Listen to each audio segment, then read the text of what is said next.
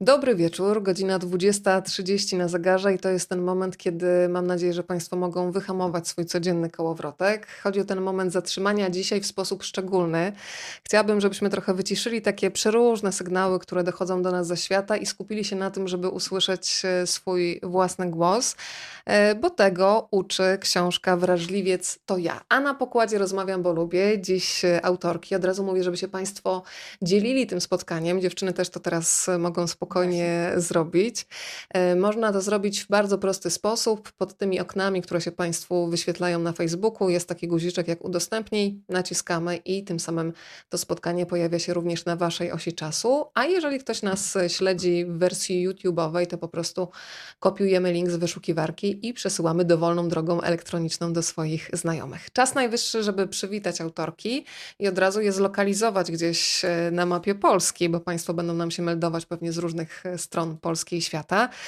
E, zacznę od Moniki Pryśko, która jest w lewym górnym e, rogu naszego spotkania. Monikę część z Państwa doskonale zna jako autorkę bloga Tekstualna. Jest też redaktor naczelną The Mother Mag, autorką książki Bój się i działaj i możecie też dołączyć do jej facebookowej grupy, którą prowadzi. Zaczynam od nowa z odwagą. Dobry wieczór. I od razu się Monika przyznaj, gdzie jesteśmy razem z Tobą u Ciebie w domu, tak oczywiście bez adresów, ale tak mniej więcej.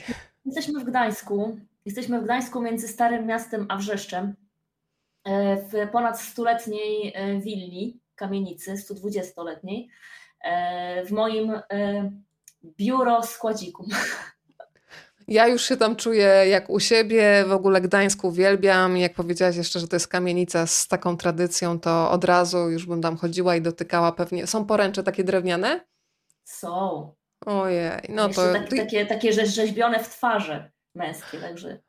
No to moja droga, jak będę w Gdańsku, to już niestety zapukam do Twoich drzwi. Mogę, już się zapowiedziałam, że będę taką osobą. E, a teraz przenosimy się do domu Magdaleny Juchniewicz. E, Magda jest coachem, który pracuje z osobami wysoko wrażliwymi. Na Facebooku spokojnie możecie znaleźć jej grupę Dziennik Okrętowy Nadwrażliwca e, i możecie odnaleźć jej kanał na YouTubie. Dobry wieczór. No, dobry wieczór. Ja pozdrawiam, słuchajcie, z Gdyni, blisko morza. Słuchajcie, ja Wam bardzo zazdroszczę, bo Gdynia, to powiem szczerze, jest jednym z takich miast, do którego bym się mogła przeprowadzić od razu. Nie wiem, z czego to wynika, ale przyjeżdżam i czuję taką energię. Gdynia i Wrocław to były takie dwa miasta, które do mnie od razu e, przemówiły. A Państwo już z nami są, proszę, w Płocku, w Jeleniej Górze. Mamy pozdrowienia z Warmii, Hanower na pokładzie, Turku witamy, Katowice, Knurowo. E, o proszę bardzo, Eryk e, jak zwykle bardzo oddalony od nas, e, ale się cieszę, że jesteś na pokładzie. Olsztyna? Czy jest Olsztyn na pokładzie? Proszę się meldować, zaraz sprawdzimy. Mogę Ci na razie powiedzieć, że jeszcze Piotrek jest z Londynu. Kolejne osoby do, do, nas tutaj dołączają. O proszę, Majorka dzisiaj też w postaci Mirka na pokładzie. Bardzo się cieszę, proszę się dzielić tym spotkaniem. No i dziewczyny, ja bym najpierw zaczęła od historii waszej znajomości, e, bo bez tej znajomości nie byłoby książki Wrażliwiec to ja, jak radzić sobie w życiu będąc wysoko wrażliwą osobą, e, więc e, poproszę najpierw sprawozdanie jednej strony, potem drugiej, zobaczymy czy, czy pamięć funkcjonowała tak samo. Która, która, która pierwsza? Synchronizujmy zegarki. Moja zawsze odtwarza to najlepiej, bo ja, ja tylko nadmienię tak enigmatycznie, intro zrobię Monice, że, że to e, była zapowiedź porannej e, wiadomości na Instagramie. Tak, e, Magda nagrała mi wiadomość głosową, nie znałyśmy się w ogóle i po prostu usłyszałam bardzo miły kobiecy głos z super energią, I to nie jest tak, że ja zazwyczaj odpowiadam na wszystkie, nie wiem, nie wiem jak to powiedzieć, na, na, na, sygnały, że zróbmy coś fajnego razem, bo czuję, że, że, że to może być coś dobrego, ale tym razem e, zaraz jej, e, nie jest to, że odzwoniłam, ale odgrałam się. Później rozmawiałyśmy przez telefon chyba z godzinę, rozmawiało się super. Zrobiłyśmy jednego live'a, drugiego, trzeciego. No i później nagrywa mi się Magda na Facebooku, nie wiem, to było rok później? Jakoś, Jakoś chyba tak. tak. no. Nie, właśnie tak zasłuchałam, bo ja pamiętam, jak my rozmawiałyśmy i tak, robimy rozmowę i to jest taki rodzaj poznania się, kiedy po prostu czujesz, że ta druga osoba ma tą przestrzeń, ty to, to idziemy i siadłyśmy na tym live jak stare, jakbyśmy się znały latami. A potem rzeczywiście wyszło tak, że no bo ten temat był taki nam bliski, chyba tak mi się wydaje, nam bliski, No i w każdym razie ta książka, pomysł tej książki. Ja Ma, Magda mi się nagrywa na, na Facebooku i ona mówi, Monika, ja czuję, że powinnyśmy napisać książkę. I on to było, ona mi nagrała się to spo, spontanicznie po prostu, co, co, jej, co pomyślała, to, to mi nagrała.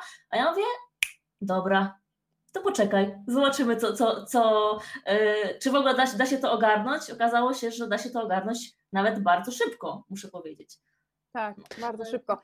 Natomiast jakby y, y, zwieńczeniem naszej pracy był, nie zdawałyśmy sobie chyba sprawy, myśl, tak myślę sobie dzisiaj z perspektywy czasu we dwie, co będzie, jak jechałyśmy ostatnio do, na pytanie na śniadanie z takimi schodami, wiesz, wiecie Państwo, na, e, na to, na spotkanie i tak, i Monika tak idzie pierwsza, ja za nią, ja takiej położyłam głowę na ramieniu i mówię, tak Monika, co myśmy narobiły? No, teraz się trzeba będzie zmierzyć właśnie z przebodźcowaniem, o którym też jest bardzo tak, dużo w książce. Bo, ale bo, dziewczyny. Bo o to chodziło też właśnie, no. Ale zaczynam od tego, ponieważ mnie zawsze yy, tak wzruszają i poruszają historie kobiecej przyjaźni, yy, bo ja sama bardzo długo żyłam w takim przekonaniu, że w zasadzie takie najmocniejsze przyjaźnie to wiecie, te z przedszkola, z podstawówki, z liceum, a potem to już, to już nie. Ale sama się przekonałam o tym, że czasami po prostu widzisz człowieka świeżo poznanego i przeczuwasz, że te ścieżki będą gdzieś bardzo blisko siebie, więc od tej przyjaźni kobiecej zaczynamy. Yy, dzisiaj bym chciała, żebyśmy porozmawiały o tym, że wrażliwość to jest siła, to nie jest słabość, e, ale nie taka siła, nie wiem, przemocy, presji, ale moc sprawcza, która się objawia między innymi w łagodności, w empatii, w tym, że potrafisz wysłuchać drugiego człowieka. E, I to jest trochę tak, że bardzo często już mamy w głowie takie hasło: jesteś tym, co jesz. To porozmawiajmy teraz o tym: jesteś tym, co odbierasz. E, jak często dziewczyny czujecie się przebodźcowane, bo tych sygnałów dociera bardzo dużo, i jak sobie z tym przebodźcowaniem radzicie? E, to może zacznę od, od, e, od wysokiej wrażliwości w moim życiu, e, bo wrażliwość, znaczy temat wysokiej wrażliwości pojawił się razem z Magdą. Nigdy nie powiedziałabym o sobie, że jestem osobą wysoko wrażliwą, ponieważ wysoka wrażliwość, jakby w ogóle wrażliwość kojarzyła mi się z, z delikatnością, z powściągliwością, z, z eterycznością, ni cholery to nie jestem ja. Jakby w ogóle nie, nie, nie czułam, że ja mogę się nazwać osobą wysoko wrażliwą. Natomiast reakcja Magdy na mnie, która często brzmiała typowy wrażliwiec i jak dziesiąty raz to, to, to powtórzyła, zaczęłam się przyglądać e, swoim reakcjom na różne właśnie życiowe e, sytuacje i okazało się, że faktycznie jestem wrażliwcem, wrażliwym na emocje, wrażliwym na stres, wrażliwym na zapachy, na dźwięki, e, na presję, na napięcie, jakby jestem faktycznie, odbieram to, e, no i zaczęłam analizować i mam wrażenie, że, że, ta, że znajomość tej wysokiej wrażliwości, znajomość tematu poprowadziła mnie takim, takim, taką łagodną drogą do takiego autorozgrzeszenia. O. E, to jest bardzo ważne, że z jednej strony autorozgrzeszenie, ale też e, ja sobie tutaj, słuchajcie, zanurzyłam się w temacie też wysokiej wrażliwości. Wielu krytyków mówi o tym, że tutaj chcą się wszyscy rozgrzeszyć, ale ja od razu mówię, że wasza książka właśnie pokazuje, że to nie jest tak, że ja nagle się autodiagnozuję, mówię, jestem wysoko wrażliwa i teraz się do mnie dopasujcie, tylko wy pokazujecie, jakie narzędzia warto wprowadzić do swojego życia, żeby ułatwić sobie funkcjonowanie w takiej, a nie innej rzeczywistości, bo przecież ta rzeczywistość się jakby nie podporządkuje, nie będzie taka, jakbyśmy sobie wymarzyli E, zacznijmy, słuchajcie, od ciała, bo piszecie bardzo mądrze o takiej mądrości ciała, o tym, że ciało będzie zawsze w stosunku do nas szczere. E, I tutaj też e, poproszę Was o podzielenie się po prostu własnymi doświadczeniami. Kiedy same złapałyście się na tym, że bardzo mocno, jak to się ładnie mówi, somatyzujecie? A to Magda. jest w ogóle takie popularne słowo, ale, ale taka, my psycho, tak, somatyzujemy na co dzień, w każdej chwili w zasadzie.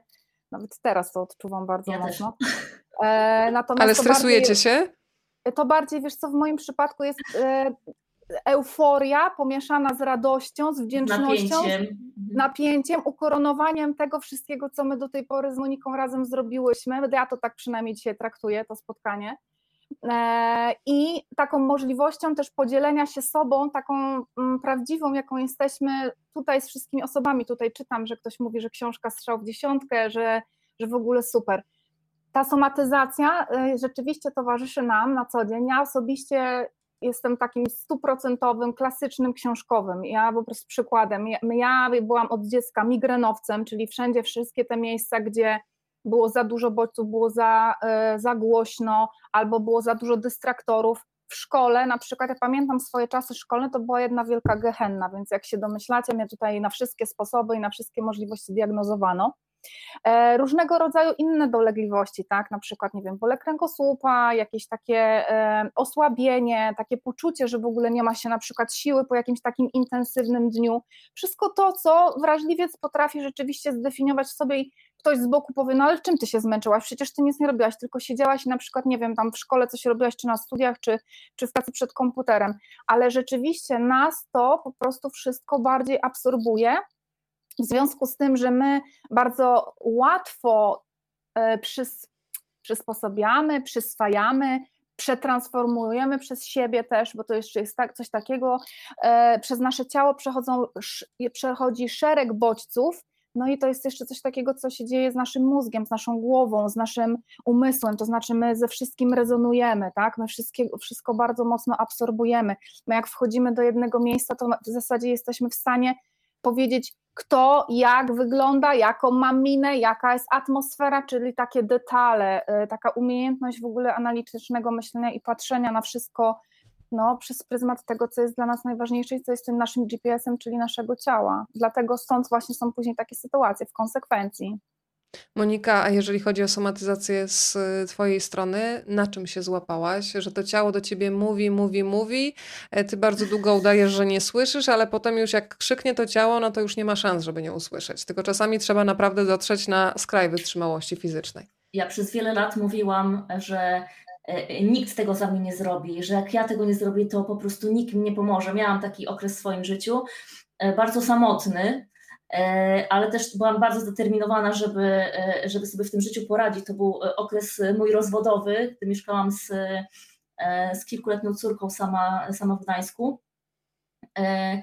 I z jednej strony narzuciłam sama na siebie reżim wręcz, znaczy wiem, że to było mi potrzebne, żeby się trzymać jakby, jakby w garści, ale tego było tak dużo, że ja byłem wiecznie zmęczona. Ja, ja były takie okresy, kiedy ja e, czułam, że i jestem bardzo smutna. Ale dlaczego? Nie wiem. Zaczęłam się bać, czy to może jest naprawdę jakiś, jakiś, jakaś depresja, coś takiego, co, e, co sprawi, że będę musiała na to już tak naprawdę na maksa zwrócić uwagę. Na szczęście nie. E, I zaczęłam e, dopiero, nie wiem, 3 lata temu, 4 lata temu sobie odpuszczać i widzieć e, efekty. A jeśli e, chodzi jeszcze o, o jakby e, moje przykłady, jak jestem napięta, zestresowana, zdenerwowana po całym dniu e, stresu i ten dzień się jeszcze nie skończył, czuję się, jakbym była w czymś, jakbym w takim niewygodnym skafandrze. Nie lubię, jak ktoś mnie dotyka. Nie lubię, jak córka przychodzi i się do mnie przytula, to ja siłą woli nie, nie próbuję jej strząknąć. To jest dla mnie tak, yy, tak jakbym musiała się podrapać. No to jest aż straszne uczucie. Na, na szczęście już wiem, o co chodzi już sobie to wszystko przeanalizowałam, że to jest efekt stresu, a nie tego, że nie kocham własnego dziecka. E, I zazwyczaj daję sobie 15 minut, mówię już tutaj moim domownikom, że dajcie mi 15 minut i wrócę do siebie. E, I działa. Tutaj właśnie czytam e, o, mi, o migrenach. Jestem team migreny, a jak jeszcze jestem głodna do tego, to już nie ma zmiły. to już leży. Dzisiaj będziemy y, uczyć się tego, żeby usłyszeć, co, co to ciało mówi. Przyznam się Państwu, że oczywiście miałyśmy z dziewczynami próbę techniczną i Magda powiedziała wtedy takie zdanie, które we mnie bardzo mocno zostało. Jedna z osób, z którą pracujesz, mężczyzna, e, powiedział coś, co mnie wzruszyło, bo w życiu generalnie i w miłości myślę, że chodzi o komunikację i próbę zrozumienia drugiego człowieka. Jesteśmy przeróżni. Szczęśliwie mam e, takie wrażenie. E, I Magda powiedziałaś mi, że ten pan powiedział, że do tej żony, żeby ona go nauczyła siebie. Mm, I ja myślę, że dzisiaj będziemy się zarówno uczyć innych, jak i siebie. Powiedz trochę więcej o tej rozmowie, bo taka, taka otwartość jest dla mnie urzekająca. To jest przede wszystkim taki rodzaj relacji, jakbym mogła to określić, e, w której jest w której jest wola do poznania drugiej strony, zrozumienia i nie taki standard czy klasyka, o której bardzo często wrażliwce mówią mi na, na konsultacjach, że są nierozumiane, nie były rozumiane, ciągle coś jest nie tak i to otoczenie denerwuje, czy ja w jakiś tam sposób deprymuje. Tutaj, jest, tutaj była ogromna otwartość na tą drugą stronę ze strony partnera, ponieważ no, ta osoba zwyczajnie w świecie po prostu chciała dla tej swojej połówki dobra. Więc e, jak widziała, że widział, że się tak męczy, że różnego rodzaju właśnie bodźce takie i w ogóle sytuacje dnia codziennego doświadczały bardzo mocno e, jego partnerka, no to i to przede wszystkim miało przełożenie na życie zawodowe i życie rodzinne ich, bo musimy tutaj zaznaczyć, że wrażliwość to jest piękny zasób, ale do momentu, kiedy my nie umiemy ze sobą pracować, my siebie nie rozpoznajemy, to naprawdę potrafimy nie, zrobić y, komuś przykrość i krzywdę i jednocześnie sobie. No i tutaj była taka wola i właśnie taka chęć do tego, żeby rozmawiać, żeby się po prostu zwyczajnie w świecie nauczyć. I pani, która do mnie przyszła na takie spotkanie, to powiedziała, że ona ma cel. E, jeden to jest e, jakby złożony, jeden to jest taki, żeby sobie poradzić z tą swoją wrażliwością, bo ona ma siebie serdecznie dość i cały czas ze sobą walczy, a drugi to po prostu nie chce stracić swojego związku. No ale ma tutaj po swojej stronie partnera, który powiedział po prostu naucz mnie siebie. E, no i ona co powoli robiła i tak obydwoje sobie kroczą do dnia dzisiejszego. Bardzo fajnie też, kiedy z tego języka właśnie znika ta walka ze sobą, ewentualnie walka o siebie, a może w ogóle ta, to samo słowo walka, jakieś takie zaprzyjaźnianie się, odnalezienie, bo piszecie tak. o takich wzruszających momentach, kiedy człowiek w końcu zaczyna ufać e, intuicji, e, kiedy już nie musi nadstawiać uszu na to, co powie świat, co powiedzą inni i czasami e, podejmuje nawet irracjonalne decyzje. Ja przyznaję, że to jest bardzo uwalniające. E, nauczyłam się tego bardzo późno, bo po czterdziestce cały czas się uczę, bo wielokrotnie jeszcze mam w głowie, co powie ktoś, a, a co, no ale ostatecznie już raczej staje ze sobą. Monika, chciałabym trochę porozmawiać o czymś, co jest Tobie bardzo bliskie, czyli pisanie. Powiedzmy, co daje nazywanie emocji, w zasadzie przelewanie ich w bardzo konkretny sposób na papier? Bo my często mówimy, no dobrze, przemyślałam sobie, już w zasadzie wiem o co chodzi, tylko że te myśli są czasami chyba, no nie mają takiej mocy rażenia, jak to, co jest zapisane czy wypowiedziane na głos.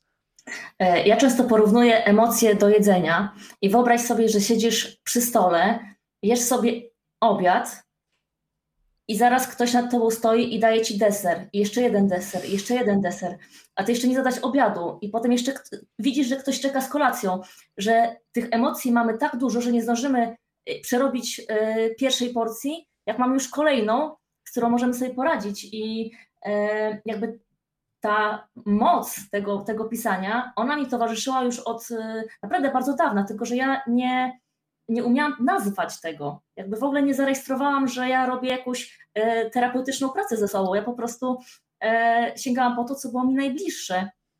E, I pamiętam, to było jakoś tak rok, rok temu, stoję pod prysznicem, jestem tak strasznie jakaś zmęczona i szukam inspiracji w tym życiu, jakby, jak czuję się jak mucha w smole i nagle pod prysznicem zawsze przychodzą najlepsze pomysły i tak stoję i tak terapeutyczne pisanie, i myślałam oczywiście, że jestem pierwsza, która to wymyśliła, ale wpisałam w Google, okazało się, że jest y, super książka Terapia przez pisanie, bardzo Wam polecam. I właśnie z tej książki dowiedziałam się, e, że jakby y, zrobiono badania kilkadziesiąt lat temu, to bardziej lata 90., nawet wcześniej. E, I wtedy sobie przybiłam piątkę, że ja wyczułam, że to jest y, dla mnie dobre. E, a zaczęło się, och, to już dawno, pewnie w liceum ale takim dobrym przykładem u mnie był, e, był rozwód. Temat, e, znaczy, no rozwód zawsze wiąże się z wielkimi emocjami. E, no ale co zrobić, żeby tych emocji nie podsycać, tylko je wygaszać? I co możesz zrobić, jeśli faktycznie masz sobie dużo żalu, ale odbiorca Twoich emocji wcale nie chce tych emocji wysłuchać? I wtedy pisałam. I jakby mam wrażenie, że piszę do tej pory, tylko że już temat jest inny. Magda, to powiedzmy trochę, co się dzieje z nami w pracy, no bo jak piszecie wrażliwcy, no zazwyczaj są mm, perfekcjonistami z ogromnym poczuciem obowiązku, czyli staną na rzęsach, żeby kogoś nie zawieść. Bardzo długo potrafią tłamsić emocje, no ale jak już to wybuchnie, to jest po prostu etna się obudziła i chyba takie zachowanie wtedy dla osób, które nie wiedzą o co chodzi, no bo dlaczego nagle ta reakcja jest aż taka do jakiegoś, nie wiem, małego bodźca, jak się zachowują osoby, które muszą się nauczyć, no właśnie, samoobsługi trochę, żeby wyciszać się tak, żeby nie, nie doprowadzać do takiej sytuacji, kiedy ten wulkan po prostu nagle jest obudzony, nie wiem, po siedmiu latach. To wtedy jest po prostu lawa i erupcja. Ja myślę sobie tak przewrotnie odpowiem trochę na to pytanie na początek, tak myślę sobie o sobie, że to jest tak, że ta etna, czy to, to wybucha w zasadzie każdego dnia, tylko my na to nie zwracamy uwagi i my to tak tłamsimy.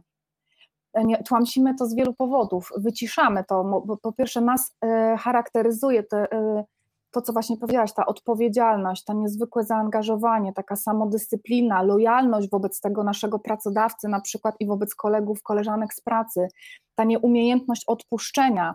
Tutaj jeszcze się też kłaniają takie tematy związane z pewnością siebie, tak? Z, z, wysokim lub niskim poczuciem wartości, bo to bardzo też y, ze sobą gdzieś tam rezonuje i, jest ważne. I w momencie, kiedy my, i ta i niezwykła, e, niezwykle, niezwykle wysoka empatia, My po prostu w swoim konstrukcie wrażliwości z założenia nie chcemy zawodzić ludzi. Nie chcemy. Tylko, że e, e, są dwie grupy osób, takie, które są, że tak powiem, w trakcie tego całego przebudzenia i drogi do siebie, i one właśnie wtedy somatyzują albo się zachowują, jak to mówi się potocznie, histerycznie, reagują w jakiś taki nerwowy sposób. Po całym dniu albo w ciągu dnia, kiedy jest na przykład, nie wiem, taka historia klasyczna z biura, tysiąc telefonów, tysiąc maili, pełno asapów, o których ostatnio rozmawiałyśmy, szef, który coś tam e, chce od nas co chwilę, koleżanka, która sobie z czymś nie radzi, a my przecież chcemy cały świat zbawiać, bo jesteśmy takie perfekcyjne i wtedy my po prostu nie wytrzymujemy. I druga grupa, i jakby reagujemy w taki, a nie inny sposób, otoczenie nas postrzega różnie. E, czasem traktują nas po prostu jak zwykłe histeryczki, jakieś nienormalne, zaburzone, a może takie osoby, które są nieprzyjemne, niemiłe, krnąbrne i niepokorne albo fałszywe. Różne rzeczy słyszę. E, a druga grupa to jest takich wrażliwców, którzy już się w tej swojej wrażliwości, że tak powiem, przebudziły, pracują nad sobą każdego dnia, bo to jest proces. To nie jest tak, że my już wiemy, że mamy cechę wysokiej wrażliwości, jesteśmy takie super oświecone i w ogóle teraz już będzie znamy siebie na każdej płaszczyźnie. Nieprawda, nie znamy siebie. Do momentu, kiedy nas, jak to jest z tym powiedzeniem, dopóty, dopóki nas nie sprawdzono, tak, ja mam zawsze problem z tym, to nie wiemy, e, e, jaki jesteśmy, tak? Jacy jesteśmy, bo panowie w tej grupie również są, to nie dotyczy tylko pań. Ale jak już mamy gdzieś tak dookreśloną tą wrażliwość, my to tutaj w tej naszej przestrzeni z Moniką nazywałyśmy też takim puzzlem, to, to potrafimy komunikować się z tym otoczeniem łatwiej. Potrafimy powiedzieć, słuchaj, mógłbyś ściszyć to radio na przykład, bo po prostu nie jestem w stanie odbierać czterech, telefonów na raz, robić jakiś projekt na wczoraj i jednocześnie słuchać tego radia, tak? Albo na przykład, nie wiem, mam koleżankę, która lubi głośną muzykę, to staram się znaleźć sobie inne biuro, w którym mogę gdzieś tam działać, czy, czy na przykład w tej chwili, już w dobie pandemii, w zasadzie po pandemii, dużo takich przykładów słyszę, że jest możliwość pracy zdalnej, więc bardzo często często właśnie te takie dookreślone wrażliwce, takie świadome siebie, swoich możliwości, e, chcące sprostać tym zadaniom, które posiadają, po prostu wybierają też takie rozwiązanie. Więc e, zachowań i postaw e, w tej naszej wrażliwości takiej nieukochanej, niezadbanej, nie takiej, nie takiej wyciszonej, takiej świadomej, tak, jest dużo. I one z reguły są to, jest to pełna somatyzacja, to, to jest związane bardzo mocno z naszymi emocjami, z naszymi reakcjami, których w konsekwencji bardzo często się wstydzimy. Nam jest po prostu zwyczajnie w świecie wstyd na początku. Jeżeli tak nie wiemy, co się z nami dzieje, wiemy, że jesteśmy wrażliwe, ludzie na nas ciągle patrzą krzywo, ktoś się tam na nas znowu obraził za coś i my po prostu same nie wiemy, czasami nie wiemy, co z tym zrobić. Więc, mhm. więc rzeczywiście nie jest to łatwe, jest to wyzwaniowe, ale e, jest to wszystko do ułożenia, tak? jakby do opanowania, ja bym to tak ujęła, i do zadbania o siebie, o ten swój dobrostan szeroko pojęty. To, co jest bardzo istotne, że w y, tym zbiorze osób wysoko wrażliwych y, są przeróżne typy, prawda? Tak. Zresztą część krytyków mówi, że to jest trochę taki za szeroki parasol, no bo wiadomo, że tam też mogą być dużo głębsze, właśnie już nie cechy osobowości, ale zaburzenia. Ale ja uważam, że akurat tutaj warto rozpoznać swoją reakcję i zobaczyć, czy zaproponowane pewne metody radzenia sobie sytuacją na nas działają, czy nie. Jeżeli tak. działają, super. E, I powiem Wam, że mm, ja akurat faktycznie w wielu momentach waszej opowieści się odnalazłam. Ja nazywam coś takiego taką metaforą wirującej pralki, czyli to, że potrafię rozkminiać, naszą rozmowę też będę pewnie rozkminać potem jeszcze trzy godziny po tym, gdzie mogłam o co jeszcze zapytać, o czym zapomniałam i co zrobiłam źle najczęściej i chciałabym już wywiesić to pranie z pralki, ale między innymi to analizowanie potrafi bardzo człowieka zmęczyć. Natomiast takim zdaniem, które mnie kiedyś uwolniło, które trafiłam chyba w książce Kasi Czaj, y, Czajki Kominiarczuk, było, że potencjał do tego, że ty coś możesz zrobić, nie oznacza, że ty to musisz zrobić. Czyli wiem, że coś potrafię, że jakieś tam wyzwanie jest do tego, żeby je zrealizować, ale niekoniecznie muszę to robić, bo na przykład koszt tego, że ja wejdę w jakiś projekt jest za duży. I teraz pytanie do Moniki, na przykładach poproszę. Jak długo robiłaś właśnie coś trochę wbrew sobie? Czyli wchodziłaś w zadania, bo, no bo fajna propozycja, bo coś, a potem się okazywało, że koszt tego jest niewspółmierny, nie wiem, do y, wypłaty za to, że to, że czujesz, że to jest coś wbrew tobie i ciało wręcz ci mówi, nie rób tego więcej. Ja to robię cały czas. I to nie, to nie jest tak, że, tak. E, że ja jestem jakby teraz bardzo uważna i unikam za takich sytuacji. E, wręcz przeciwnie. E, e jakby zawsze z Magdą mówimy, że są rzeczy, które faktycznie będą nas obciążać, będą dla nas mega wyzwaniem. Nie wiadomo, czy się nam będą opłacały i jak się będziemy po tym czuły, ale my nie chcemy z tego zrezygnować, bo są rzeczy, które nas rozwijają, bo jesteśmy ciekawe tego, co jest po drugiej stronie, e, czy poznamy nowe osoby, jak, e, jakie drzwi nam się otworzą. Czyli to nie jest też e, kwestia, z czego zrezygnować, a z czego nie, ale co zrobić, żeby nie rezygnować, czyli mieć ciastko i zjeść ciastko. Ja się na coś decyduję, czasem czuję, czasem nie, czy to jest dla mnie dobre, czy, czy, czy, czy złe, ale wolę sobie znaleźć jakąś formę regeneracji, która mi szybko pomoże e, się właśnie zregenerować i zebrać siły, e, żeby to nie był dla mnie taki wielki koszt. Bo tam koszt czasu, zaangażowania, no to tam e, pal 6, ale gorzej, kiedy człowiek jest już tak zmęczony, znużony, czasem rozgoryczony, czasem rozczarowany, że już tej przestrzeni na swoje własne życie brakuje. Także tutaj chyba bardziej chodzi o to, żeby sobie jakoś łagodzić to życie, a nie żeby z czegoś rezygnować, chociaż wiadomo, że że przychodzi nam to e, ze świadomością siebie łatwiej. Ja na przykład e, jestem królową śmieciówek. Nie mam działalności gospodarczej, ponieważ ten temat mnie tak stresuje. Piątka. E, że uznałam, że to jeszcze nie jest czas, chociaż wiem, że powinnam, że to by mi wiele ułatwiło, że wszyscy mają działalności gospodarcze, e, że klienci oczekują faktur. A ja z uporem maniaka jeszcze się trzymam tych, e, tych umów o dzieło i umów zlecenie, ponieważ nie, no nie zmuszę się, po prostu się nie zmuszę, bo wiem, że e, będę się stresowała razy 10, a ja po prostu tego unikam i szukam e, w życiu spokoju.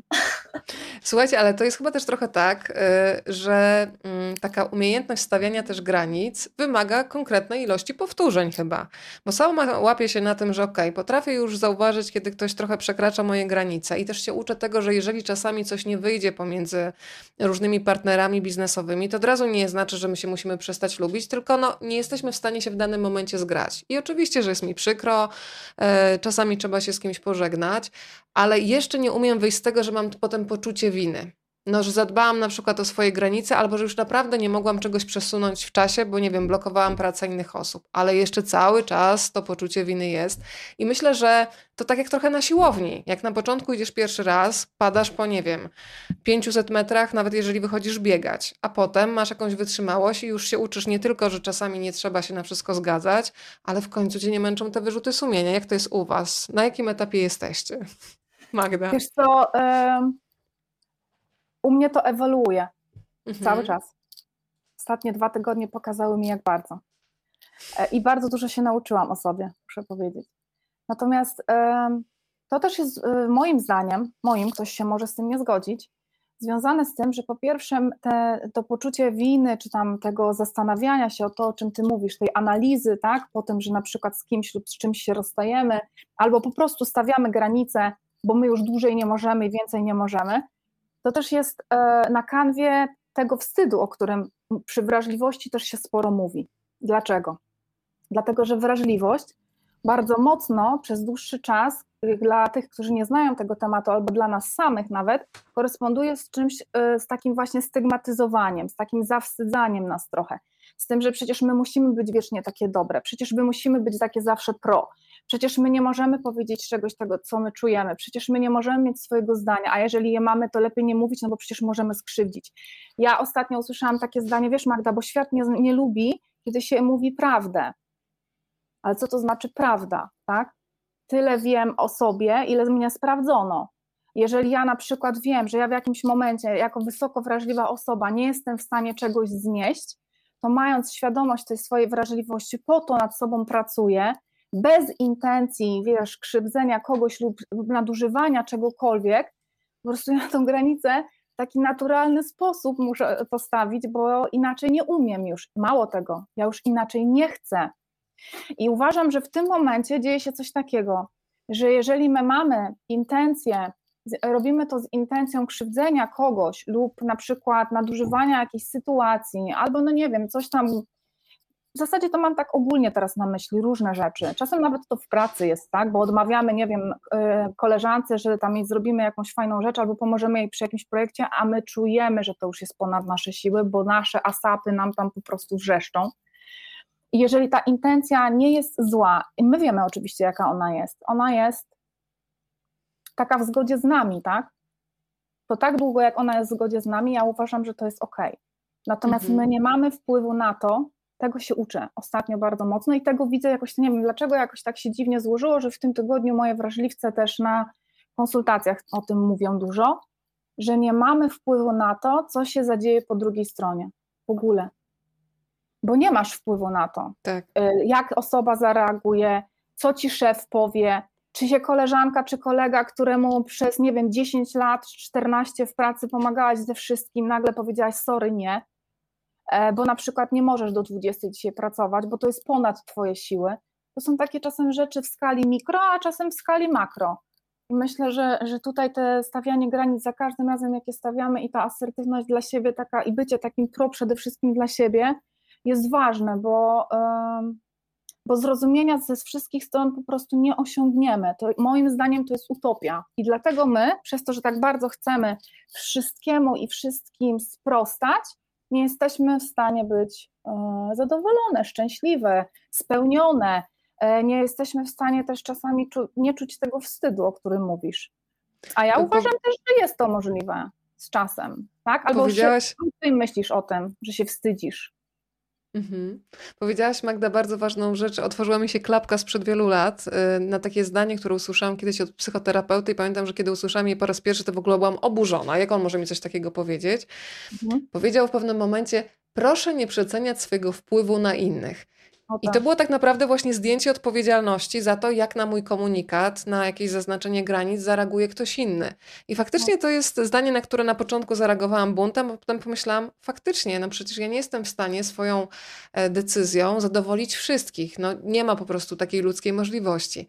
Monika, teraz patrzę w Twoją stronę, jestem ciekawa, czy przypominasz sobie takie Twoje pierwsze zdecydowane stop, kiedy wyszłaś z tego schematu, z tych kolejn, którymi do tej pory podążałaś, i nagle się okazało, że żyjesz, świat dalej się kręci, a ty postawiłaś granicę i to zadziałało. I w ogóle byłaś zaskoczona, że to wystarczyło to zakomunikować? Um, pamiętam e, sprzed kilku lat kłótnie z rodzicami. Pamiętam, że obroniłam mojego ukochanego wtedy, w sensie po prostu stanęłam w jego obronie i e, i poczułam się super mocarna. I to był, i to był taki jakby y, też efekt był dobry, na zasadzie, że postawiłam granicę i ona została uszanowana i później ona już nie była y, przekraczana, a przynajmniej y, widziałam, że, że osoby, o których teraz myślę, się, się bardzo starają. E, tutaj nawiążę do, do tego, o czym Magda mówiła wcześniej, odnośnie pana, który bardzo chciał swoją żonę zrozumieć w tej swojej wrażliwości to ja jestem tą żoną, która nie to, że, że próbuje nauczyć, bo y, mój partner chce się dowiedzieć, ale tak jakby wyprzedzałam, y, wyprzedzam jego, y, nie wiem, mm, nie wiem, chciałam troszeczkę uchronić mój nowy związek przed porażką, bo wiadomo, że, że wszyscy mamy takie porażki na koncie. E, odnośnie stawiania granic, ale również wstydu, o którym e, mówiłyście dziewczyny i, e, tak. i tego, żeby te, o, o, tej wrażliwości mówić. I to jest mój jeden z ulubionych przykładów. Bardzo dużo mnie kosztowało, żeby się otworzyć i żeby właśnie mówić, bo tutaj jakby też w tej wysokiej wrażliwości ważne jest to, żeby mówić wprost, czego się potrzebuje, czego się chce albo czego się nie chce. E, I tak uczę tego mojego ukochanego, tej mojej wrażliwości, bardzo się bojąc, że jego odbiór nie będzie taki, jak, e, jak ja bym chciała. I na przykład pamiętam, jak bardzo e, no przez gardło mi nie przeszło zdanie w końcu, finalnie przeszło oczywiście. Wiesz co? Chciałabym, żebyś mnie docenił dzisiaj. I usłyszałam, Ptysiu, jak ty obierzesz ziemniaki, to nikt tak nie obierze. Uwielbiam mężczyzn też z poczuciem humoru, wiesz, i już ma plusa. Ale... Ja uważam, że w ogóle poczucie humoru jest jedną z wielu cech, które potrafią uratować związek. I to jest mój, mój jakby to, że ja pracuję teraz w domowym jakby otoczeniu bezpiecznym w sumie dla mnie, sprawia, że ja mam później odwagę, żeby stawiać granice w relacjach, które nie są mi aż tak bliskie i codzienne, jak, jak, jak, jak relacja z moimi najbliższymi. I czasami boimy się bardziej niż jest czego. Że, że yy, mam wrażenie, że oczekujemy, że, że będzie zawsze dramat po drugiej stronie, a tak nie jest, no bo ludzie tak naprawdę chcą dobrze. Yy, tak, tak przynajmniej się wydaje. Ja przynajmniej się otaczam takimi osobami. Tak, to prawda, ja się zgadzam, że czasami potrafimy, ja przynajmniej potrafię budować w głowie jakieś takie lękowe historie, co się stanie, jak ja to powiem, a nagle się okazuje, że ludzie przyjmują pewne komunikaty z kom takim totalnym zrozumieniem, że to jest dla, dla nich to nie jest nic dziwnego, że na przykład możesz tak, a nie możesz w drugą stronę. Pytanie bardzo ważne od Piotrka z Londynu. Magda, poproszę Cię o odpowiedź. Czy często się spotyka mężczyzn wrażliwców, mając na uwadze wzorce kulturowe czy stereotypy? Podejrzewam, że trudniej im to odkryć, albo się z tym pogodzić? Nie wiem, czy często. ja, ja spotykam zarówno w tej takiej swojej przestrzeni codziennej, ale też na konsultacjach. Co prawda większość jest pań. Natomiast jeżeli przychodzi y, taki, taki mężczyzna, który jest wysoko wrażliwy, posiada tą cechę wysokiej wrażliwości, to przede wszystkim jedno z pierwszych zdań, jakie pada zawsze, za każdym razem, to jest mniej więcej y, coś w tym stylu bo wie pani, bo ja przez całe życie nie mogłem płakać, albo ja nie mogłem o tym mówić głośno, bo to jest wstyd. Tu znowu mhm. kolejny raz wstyd. Bo facet powinien w związku z tym, że jest mężczyzną, to powinien być silny, on musi wszystko, on musi za wszystkich i najlepiej jeszcze jakby e, nie miał uczuć. No i tutaj się wtedy zaczyna cała podróż, cała w ogóle droga. Także są wysoko e, wrażliwi mężczyźni wśród nas, jest ich sporo, naprawdę. Ja, ja najwięcej tych wysoko wrażliwych mężczyzn to rzeczywiście mm, dostrzegam u siebie na kanale YouTube, na który prowadzę i tam panowie chętnie w komentarzach rzeczywiście się e, udzielają, ale też otwarcie mówią, tak, e, w tych moich przestrzeniach, że po prostu nie jest to łatwe. To nie, w ogóle to nie było łatwe.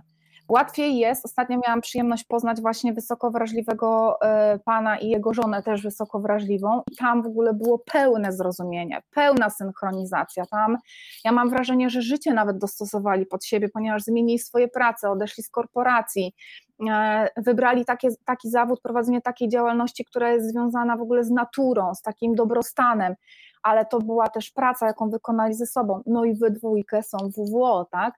Natomiast e, i, i, ten pan widać było w nim taki dużo przestrzeni do, tej, do siebie. Natomiast generalnie co do zasady raczej panowie mają z tym problem, bo się wstydzą. A ja zawsze mówię, nie wstydź się siebie. Dlaczego masz się siebie wstydzić? Bardzo często wysoko wrażliwi mężczyźni to są y, osoby, które mają o wiele więcej siły, o wiele więcej zaradności, o wiele więcej przytomności, umiejętności w ogóle radzenia sobie w sytuacjach kryzysowych. Ja wrażliwców znam takich na przykład z biznesu, z korporacji, które, którzy prowadzą przepięknie zespoły ludzi, którzy wzmacniają tych ludzi, więc tutaj jest mnóstwo takich przywarów i e, sytuacji, w których oni mogą być sobie wdzięczni za tą za tą wrażliwość, natomiast no, jeszcze trzeba trochę poedukować nasze społeczeństwo, ale ja myślę, że właśnie takimi rozmowami to robimy. Słuchajcie, dla mnie bardzo ważny jest podczas lektury tej książki taki moment zatrzymania, e, a potem przejście od tego, co się przeczytało, do sprawdzania też pewnych rzeczy, które funkcjonują lub nie funkcjonują w naszym życiu. E, skupię się teraz na chwilę na mediach. E, był taki moment, szczególnie na początku kiedy docierały do nas i cały czas niestety docierają przerażające informacje z Ukrainy, kiedy złapałam się na tym, że siedziałam non-stop przed telewizorem. Po trzech dniach doprowadziłam się do takiego stanu, że kiedy za oknem o pierwszej w nocy wybuchła petarda, to ja po prostu byłam prawie już w biegu z myślą, że to już zaczęło się u nas. I musiałam sama jakby zatrzymać się, jeżeli chodzi o wchłanianie tych informacji, mhm. bo po prostu się szybko zorientowałam, że w takim stanie psychicznym nie będę w stanie ani pomóc komuś, ani sobie tym bardziej. Jak jest, y, jak jest właśnie z tym rozpoznawaniem mechanizmów, bo bardzo często się doprowadzamy na skraj, ale przez ten ciągły bieg, bez możliwości zatrzymania, my nawet nie wiemy, dlaczego reagujemy w taki sposób, bo cały czas uciekamy, no bo świat uważa, że ta wrażliwość jest czymś złym. Zresztą napisałyście takie bardzo ważne zdanie. Czasem może się wydawać, że życie chce ociosać nas z wrażliwości. Gdy tak się dzieje, wcale nie przestajemy czuć świata, przestajemy za to czuć siebie i to jest mocne, że nadal to wszystko do nas dociera, a nagle już nie masz kontaktu ze sobą.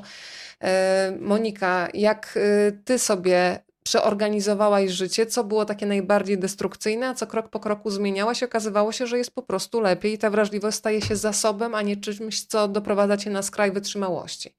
Nawiążę do tego, co przed chwilą powiedziałaś. E, początek wojny na Ukrainie. E, ja uwielbiam oglądać TVN24. Naprawdę, znaczy uwielbiałam, bo już tego nie tak. robię.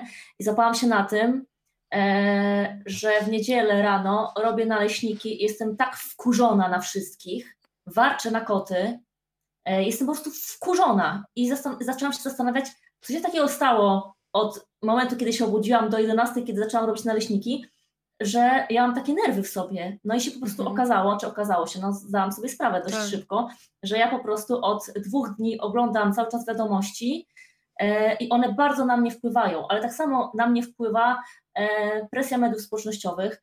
Jakby media społecznościowe, Instagram, Facebook to są moje narzędzia pracy. Jestem tam od wielu tak. lat, jestem tam codziennie i z jednej strony bardzo tam chcę być, bo e, czuję, że jakby pracuję tam nad swoją sprawczością, testuję tam swoje pomysły, jestem tam w kontakcie ze swoimi czytelnikami, a z drugiej strony ja czuję taką właśnie presję tych statystyk, tego, żeby nadążać za, nadążać za algorytmami, których nie rozumiem. W ogóle nie rozumiem, o co tam w, ty, w tym chodzi.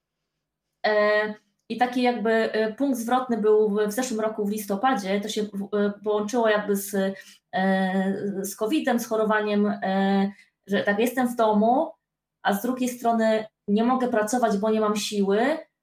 I kolejna presja, i kolejna presja, i kolejna presja. Oczywiście sama sobie te presje na siebie nałożyłam, i stwierdziłam, że e, koniec, że ja muszę odejść z tych mediów społecznościowych i znaleźć sobie inną pracę, wrócić do korzeni, bo ja jestem e, e, jakby specjalistką od komunikacji i pracowałam przez wiele lat w agencjach marketingowych, reklamowych i tak dalej. I pamiętam, że, znaczy pamiętam, no to było całkiem niedawno, bardzo lubiłam tę pracę i pracę z ludźmi. E, oczywiście przeszło mi już to, to żeby rzucić e, internet e, i jakby skupić się na offline. Natomiast bardzo ograniczyłam ten destrukt, znaczy nie wiem, czy mogę tak powiedzieć, że ograniczyłam destrukcyjny wpływ. Po prostu przestałam obserwować osoby, które nie działały na mnie dobrze. I nie to, że one y, robią coś źle, po prostu było czegoś za dużo, albo nakładałam na, sobie, na siebie presję, patrząc na to, jak y, fajnie sobie radzą i jak robią y, fajne rzeczy, jak fajnie żyją, a ja nie. E, I e, ograniczyłam to i poczułam się znacznie lepiej. Znalazłam sobie e, pracę poza internetem, Instagramem i Facebookiem. Jakby, no, bo ja robię milion rzeczy w sumie, w sumie naraz, więc po prostu jakąś tam jedną nogę gdzieś postawiłam poza internetem. I nagle się okazuje, że można. Zdjęłam z siebie ten ciężar, tę te presję tych statystyk i w sumie nikt nie zauważył, że mnie nie ma, nikt nie zauważył, że ja może jest, jestem, jest mnie mniej na Instagramie. Ja się poczułam znacznie lepiej i dopiero teraz poczułam, że mam jakąś taką w tym frajdę i siłę, żeby się z tym zmierzyć, ale już właśnie na własnych zasadach. Ale musiałam pierw e, właśnie odbić się od dna e, tej swojej własnej frustracji, żeby zauważyć, że jest jakiś problem i ja przecież nie muszę e, się na to godzić. Jakby godzę się, no bo pracuję na Instagramie, na Facebooku, ale czy muszę brać 100% tego, co jest mi dawane? Nie, mogę sobie wybrać, więc wybieram. Bardzo dobrze Cię Monika rozumiem, bo y, lata temu prowadziłam poranek i y, nazywał się Śniadanie do łóżka i sobie zdałam sprawę z tego, że Ważne jest bardzo to, co ja zjem na śniadanie w sensie fizycznym, czy to będzie zupa, kanapki, cokolwiek, czy to jest zdrowe, ale też, że ja konsumuję też rano wiadomości. I w pewnym momencie też, tak jak ty, bardzo cenię wszystkich dziennikarzy z TVN24 i to jest naprawdę bardzo trudna i też myślę, że emocjonalnie bardzo wymagająca robota, że tak powiem kolokwialnie, ale złapałam się na tym, że włączam telewizor raz na 15 minut, żeby się zorientować po prostu, co się dzieje na świecie, żeby nie być odklejona. Natomiast złapałam się na tym, że na mnie właśnie takie śledzenie y, przez godzinę, dwie rano, to jest coś, co przesądz, ja nasiąkam po prostu lękiem i mnie to paraliżuje. I od jakby dałam sobie własną instrukcję obsługi do, do mediów, bo inaczej nie potrafię funkcjonować. Bardzo ważne pytanie od Małgorzaty, które kieruje do Magdy. Czy faktycznie jest tak, że wysoko wrażliwi mają w sobie dużo lub jak ostatnio usłyszałam pod swoim adresem zbyt dużo empatii? Jeśli tak jest faktycznie, to dlaczego środowisko zewnętrzne często empatię interpretuje jako coś złego, czym może być to podyktowane? Magda, napisałyście od razu takie piękne zdanie, że faktycznie wrażliwce mają bardzo dużo empatii, tylko nie mają tej empatii dla siebie często. tak, ale do pewnego momentu, do pewnego tak. momentu cały czas się będę upierać, że jednak po to pracujemy nad sobą, po to napisałyśmy tą książkę dla Was, żeby jednak pokazać innym osobom, że można trochę empatyzować też ze sobą. Natomiast to na jakim poziomie i w jakim zakresie, no to tak, czy tam procencie, jakkolwiek to sobie tam ktoś ocenia, to już jest y, według każdego e, własnej oceny. Mm, dlaczego wysoko, czy wysoko wrażliwe osoby empatyzują, czy w ogóle mają wysoki współczynnik empatii? Tak, mają. E, bardzo wysoki. E, I teraz tak, Pani Małgosiu, jeżeli tak mogę odpowiedzieć, e, przede wszystkim zawsze ja sobie zadaję takie pytanie, jeżeli mi ktoś przychodzi z podobną, e, z podobną sprawą czy sytuacją, kto powiedział Ci o tym, że jesteś zbyt empatyczna? Kto Ci to powiedział i w jakiej sytuacji? Ja, moje doświadczenia, czy wrażliwców, z którymi ja pracuję, ale powiedzmy, że będę na swoim bazować, to były takie sytuacje, kiedy mi mówiono, że jestem zbyt empatyczna, czytaj, zbyt naiwna, zbyt absorbująca świat, to z reguły taki feedback otrzymywałam od osoby, która absolutnie nie była wysoko wrażliwą osobą, nawet nie korespondowała z tą wrażliwością i po prostu zwyczajnie w świecie te osoby to drażniło, denerwowało, że ja jestem taka bardzo pro, że ja jestem taka bardzo do ludzi, do sytuacji i tak bardzo chcę zbawiać świat, ponieważ my w tej empatii, z tą naszą empatią jesteśmy też tacy bardzo misyjni i my tak bardzo chcemy, żeby wszystko było dobrze. Mm, druga rzecz, dlaczego to jest tak podyktowane, to się ze sobą łączy, ponieważ wysoko wrażliwe osoby, w ogóle zrozumienie wrażliwości przez otoczenie nie jest łatwe.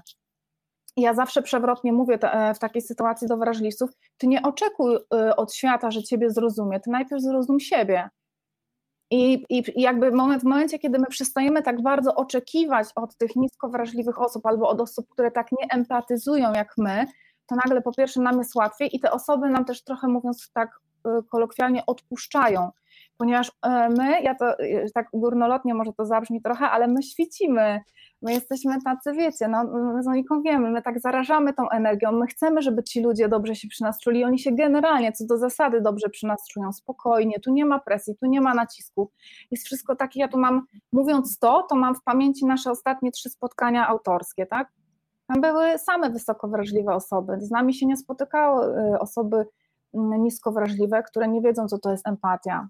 Więc Ale wiesz może... co, Magda, zatrzymam się teraz na tym, bo bardzo bym chciała, żebyśmy też nie bo to jest coś, co bardzo często słyszę wśród krytyków, kiedy się mówi o wysokiej tak, ja wrażliwości, że, że to jest, wiesz, takie pozycjonowanie. My tutaj wysoko wrażliwi, a wy, no bo to jest nawet w tej nazwie, nisko-wysoko, czyli wysoko lepiej, niżej.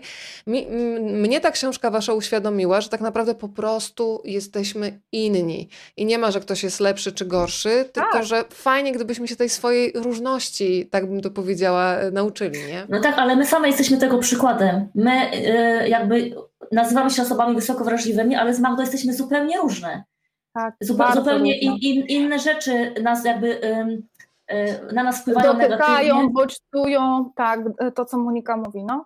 I to, co ty powiedziałaś, Weronika, bardzo dobrze, że to wyłapałaś, cieszę się, że to powiedziałaś, że właśnie, żebyśmy tego nie dzieliły, bo my we dwie to chyba zostaniemy naczelnymi w ogóle właśnie nie rozgraniczania i nie mówienia o tym, że my jesteśmy lepsi, jak ktoś jest gorszy, absolutnie nie, tylko w odpowiedzi na to pytanie trzeba sobie uświadomić, kto do ciebie to mówi. I to nie ma nic wspólnego z tym gorszy, lepszy, Monika kiedyś tak fajnie powiedziała, że ja to, ja to ze mną bardzo rezonuje, że znaczy nawet miałyśmy taką wspólną rozmowę, że tak naprawdę ta wrażliwość mogłaby się nazywać nawet delikatnością. Nazwij to sobie jak chcesz. Tu chodzi mhm. o to, że my po prostu tak postrzegamy świat.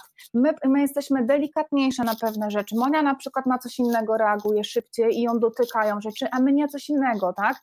Więc tutaj bardziej o taką otwartość chodzi i w to mhm. się wpisuje bardzo mocno ta empatia. Ja na przykład jestem przewrażliwiona na, e, na punkcie zwierząt. To jest wręcz przewrażliwienie, znaczy mnie bardziej to dotyka. Nie posiadam dzieci, więc jest bardziej w kierunku zwierząt. I mogłybyśmy tutaj mnożyć przykładów. Więc absolutnie jesteśmy dalekie od e, jakiegokolwiek stygmatyzowania i dzielenia e, ludzi na lepszych, gorszych, wrażliwych, niskowrażliwych. Dlatego ja tak podkreślam zawsze z Moniką, że to jest cecha wysokiej wrażliwości. Ty posiadasz cechę, a nie jesteś nie wiadomo jaki, tak? Bo to mhm. jest, e, bo to też, bo my sobie z Moniką z tym radzimy i gro wysoko wrażliwych osób sobie z tym radzi.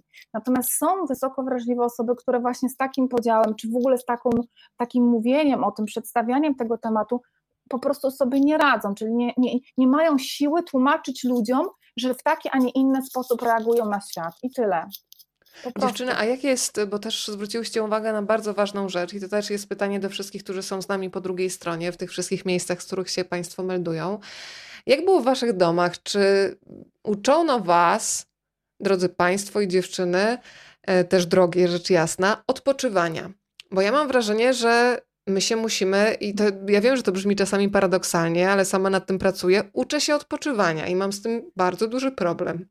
No to jestem w Twoim teamie, jestem zdecydowanie w Twoim teamie. Moi rodzice są najbardziej pracowitymi ludźmi, jakich znam. E, nie było w weekend spania do oporu. E, nie pamiętam e, w dzieciństwie, że ja się jakby spałam, aż się obudziłam. Zawsze było wołanie na śniadanie, zawsze było to śniadanie wcześniej. Mój tata do tej pory wraca z pracy, je obiad i idzie do ogrodu i coś tam kombinuje, pracuje. Moja mama zresztą tak samo.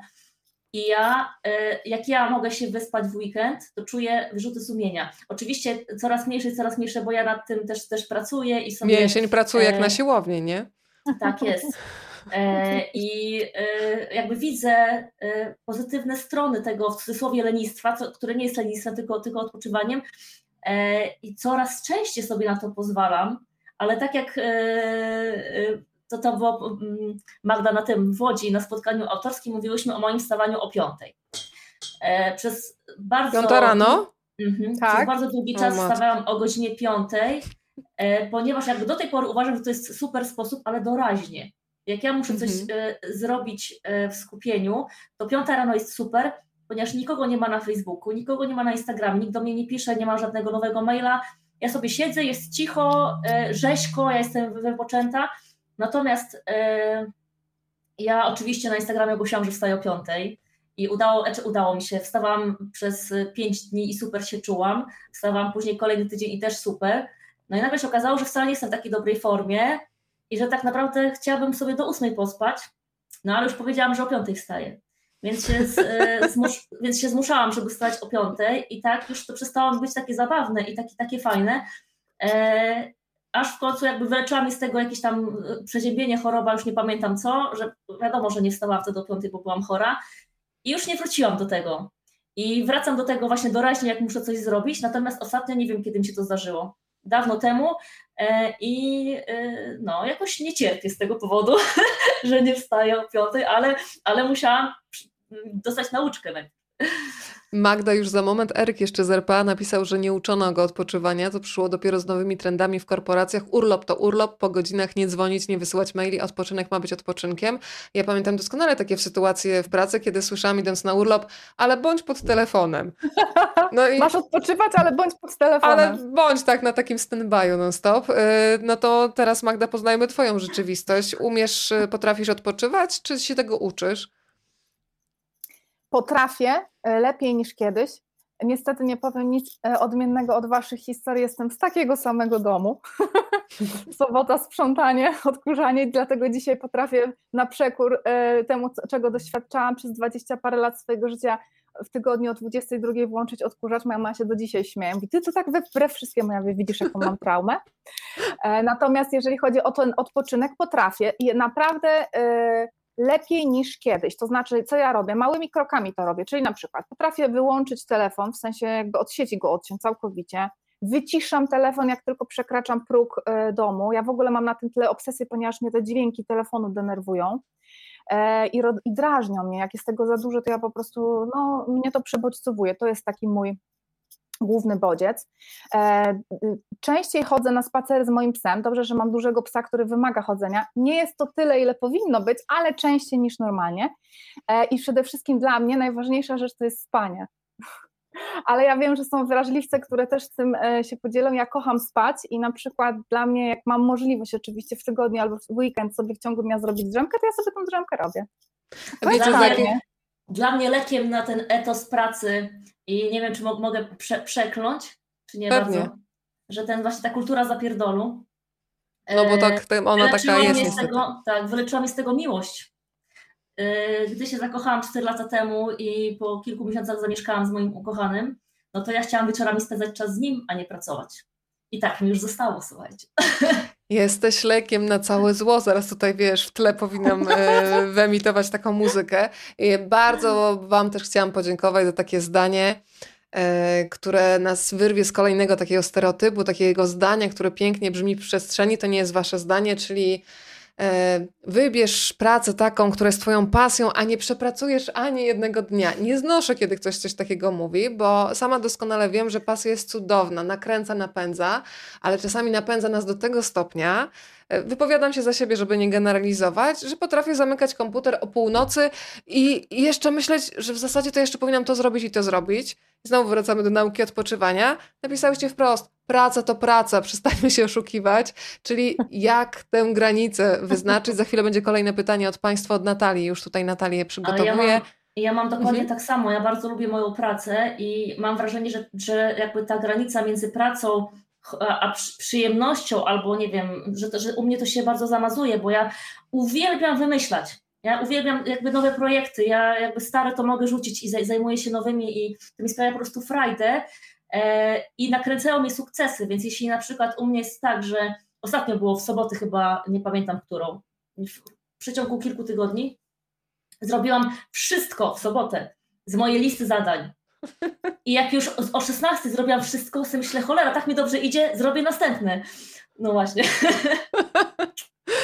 Ale to jest, wiesz co, trochę też tak, jak pamiętam wakacje, na których po raz pierwszy zostawiłam przewodnik e, w hotelu i to było cudowne, bo w końcu zaufałam swoim stopom i trafiłam w takie zakątki, w których bym nigdy nie trafiła, bo się złapałam właśnie na tym, że na wakacjach realizowałam plan korporacyjny w wersji wakacyjnej, czyli muszę odwiedzić to muzeum, zaliczyć to, tę restaurację, bo tą polecają i byłam tak zmęczona na tych wakacjach i w końcu nagle olśnienie, zostaw ten przewodnik, niech cię oczy prowadzą stopy, więc to też jest ważne.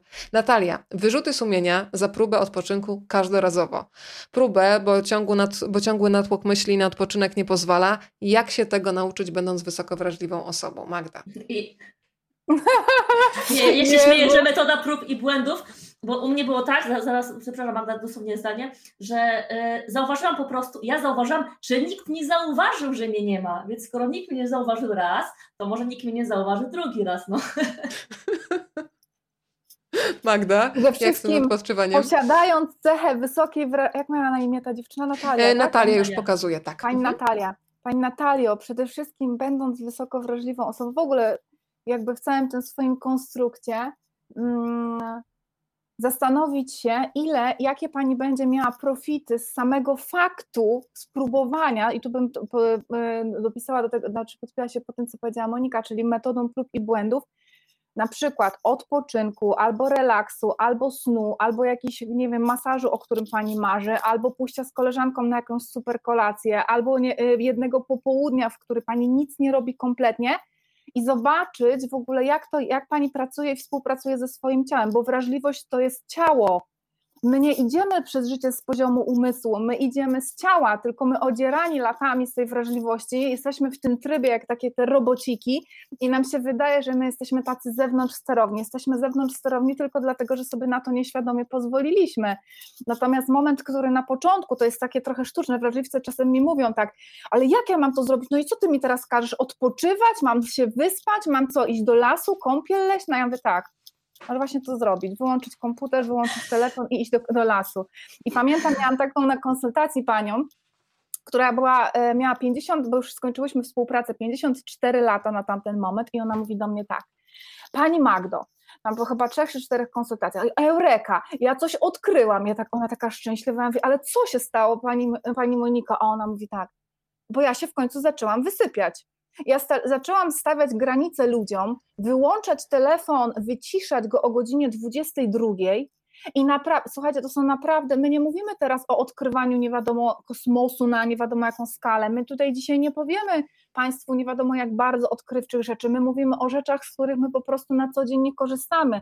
A dla nas podstawową czynnością, którą my powinniśmy wykonywać, to jest po prostu regeneracja.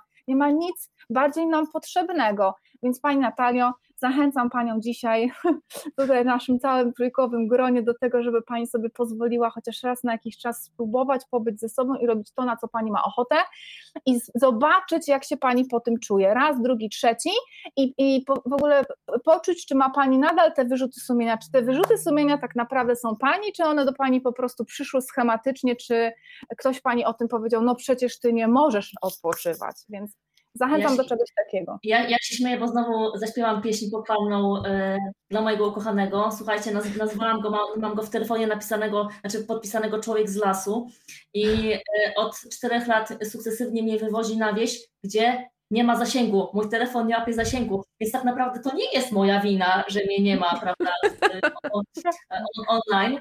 Ja po prostu nie mogę, to jest jakby, no, to jest poza, poza, poza mną. I śmieję się, że, że coraz częściej tak niechcący zapominam telefonu, zupełnie niechcący i jakoś świat się kręci. Wywieziona na wieś Monika, uprowadzona wręcz. E, słuchajcie, oglądałam też wasze spotkanie w Big Book e, Cafe. Pozdrawiam też Kasię Malinowską, która to spotkanie prowadziła. I tam się bardzo cieszę, bo pojawiła się jedna pani, która podzieliła się takim pomysłem, który mi się bardzo spodobał, bo myślę, że to może e, mieć dobroczynny wpływ na ludzi, którzy, na tych małych ludzi, myślę o takich kilku latkach, osobach, którzy, o, tak, o osobach, bo właśnie często tak mówimy, że o, dzieciaczki, no to jest po prostu osoba mniejsza od nas, ale z ogromną wrażliwością. E, I one też, dzieciaki, są przemęczone, czy to w szkole, czy nawet w przedszkolu. I ta pani powiedziała taką rzecz, że kiedy czuje, że i ona jest przepracowana, i dziecko e, już ma dość, to po prostu organizuje wagary. I mówi: Słuchaj, dzisiaj nie idziesz do przedszkola, ja nie idę do pracy. I powiem Wam, że oczywiście jestem daleka od tego, żeby robić te wagary, nie wiem, co tydzień, no bo to też by była taka, taka nauka pewnie ucieczki, że kiedy się czegoś boję, wszystkiego, to nagle mhm. zawsze uciekam ale pozwolenie właśnie dziecku na to, że okej, okay, no wszyscy idą, ale ty się czujesz dzisiaj gorzej, nie musisz, że to musi być bardzo uwalniające, bo my jesteśmy w takich, tak jak w szkole zresztą Monika o tym piszesz, że musisz być świetna z wszystkiego, świadectwo z paskiem, od góry do dołu piątki i nie możesz być, nie wiem, gorsza z fizyki, a super z polskiego, tylko najlepiej, gdyby było wszystko super. Jakie było wasze podejście do tej propozycji z wagarami? Bardzo przede wszystkim, e, Przede wszystkim pozdrawiamy Narin, bo, bo, to była, bo to była jej historia. Ja mam dziewięcioletnią córkę. Nie wydaje mi się, że była wysoko wrażliwa. Znaczy, w sumie może, może, może jest, ale jakby zupełnie inna niż ja. Z drugiej strony y, kopiuj w klej. Natomiast y, to, co, y, to, co my możemy zrobić, to uczyć nasze dzieci takiej szacunku też do siebie, ale tak, takiej uważności, że jeśli, ale też uczymy dzieci na naszym przykładzie. I yy, tak jak y, ja mówię mojemu dziecku, że słuchaj, daj mi pół godziny, bo ja po prostu nie wytrzymam zaraz, jestem tak zdenerwowana, spięta że, i głodna, że po prostu daj mi pół godziny. I moje dziecko jakby wie o co chodzi. I efekt tej mojej w sumie pracy nad sobą widzę w niej, kiedy ona jest zmęczona i ona mówi: Mamo, potrzebuję pół godziny dla siebie i zamknę drzwi. I jakby tu, jakby, że ona chce pobyć ze sobą, więc ona będzie mi zamknięte drzwi Good ja job, myślę, Monika. Ja sobie myślę, czy o to mi chodziło? Chyba tak. E, więc e, jeśli chodzi o wysoką wrażliwość u dzieci, e, my nie mamy z tym doświadczenia jakby, jakby z Magdą na co dzień. Magda ma bratanka wysoko wrażliwego, ja mam dziewięcioletnią córkę, natomiast jakby tak możemy tylko mówić o tym, jakie my byłyśmy jako, jako wysoko wrażliwe dzieci. A mhm. to, co ja zawsze pamiętam i to, mm, czego ja chcę oszczędzić mojemu dziecku, to takiego wystawienia się na ocenę e, takiego zawstydzania, takiego występowania na siłę i, i stawiania e, się w szeregu z innymi bez względu na to, czy stać nas na to wyzwanie, czy nie. Bo mnie często nie było e, stać. Jakby jestem może wygadana, może jestem dość śmiała, ale jeśli chodzi o jakieś wystąpienia, czy mm, taka presja oczekiwania innych osób, dla mnie to jest zabójcze. Ja po prostu nie jestem w stanie, no matura zdana na, na, ledwo na, na truje, bo nie, nie byłam w stanie nic powiedzieć na ustne, zresztą tak samo egzamin na filologię polską. No po prostu moja przyszłość została przykreślona przez, przez to, że nie, e, no, że nie byłam w stanie sprostać temu wyzwaniu, czyli e, skonfrontować się na żywo z autorytetami i jeszcze w spokoju odpowiadać na pytania. No nie byłam w stanie tego zrobić. Mimo, że byłaś przygotowana i tak. wiedziałaś, ale byłaś zblokowana stresowo, tak, tak? Tak, nie byłam w stanie powiedzieć nic, mhm. słuchajcie. Mhm. Także w ogóle grunt, grunt że zdałam. Magda, a jak, jakie jest Twoje podejście do takich wagarów? O ja, my wtedy we dwie powiedziałyśmy, że to jest bardzo, bardzo takie bycie pro dla dziecka i przede wszystkim postawa taka wobec siebie, bo to jest dzisiejsze na przykład pokolenie Z. Ja ostatnio czytałam taki świetny artykuł, y, w którym była mowa o tym, że y, pokolenie Z to są po prostu młodzi ludzie, którzy wolą być szczęśliwi nie pracując w pracy, która ich po prostu unieszczęśliwia. Więc te wagary jednorazowe, czy tam raz na jakiś czas, tak naprawdę w momencie, kiedy my widzimy, że w domu mamy takie właśnie wrażliwe dziecko i sami mamy, jesteśmy wrażliwi i potrzebujemy tego resetu, potrzebujemy tego spokoju, a świat, tak jak Monika dzisiaj mówiła dużo, świat się, czy nawet ty, się nie zatrzyma, on nagle się nie skończy przez to, że my sobie odpoczniemy, a wręcz przeciwnie. Po pierwsze, dzięki takim postawom e, uczymy dbałości o siebie, słuchania siebie, kontaktu ze sobą, i to dziecko, potem młody człowiek y, wkraczający w tą całą dorosłość i ten świat, w którym sam będzie musiał podejmować, czy musiała decyzję, po prostu już wie, że najpierw jestem ja i to nie w takim egoistycznym e, podejściu, czy takim totalnie egocentrycznym, tylko po prostu muszę zadbać o siebie, żeby móc pomóc innym. Muszę zadbać o siebie, żeby być bardziej efektywnym. Muszę zadbać o siebie, bo chcę, ponieważ wtedy to życie ma zupełnie inny smak.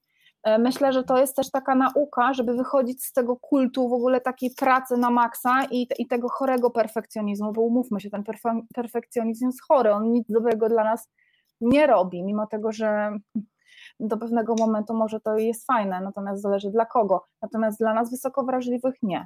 Więc tak, jak najbardziej na tak. Tutaj we dwie um, dałyśmy pełną rekomendację dla mamy, żeby się nie martwiła, że nie jest nic nią złego, bo tam jeszcze była taka um, taka historia, że ktoś jej tam zwrócił uwagę, że ona za bardzo tutaj rozpuszcza dziecko, czy tam powoduje, że nie ma jakichś wzorców. Jedne wagary, umówmy się, no już nie popadajmy w skrajności, to e, niczego złego nie zrobią, tak? Tylko wręcz mogą e, przysłużyć się całej sytuacji. Ja ostatnio zrobiłam dziecku tydzień wagarów, to nie wiem, to jestem złą matką razy siedem. A w ogóle to nawet nie mówiła, że to są wagary, tylko że to jest po prostu odpoczynek. Równie odpoczynek, dobrze można tak. by było w ten sposób do tego podejść, tak?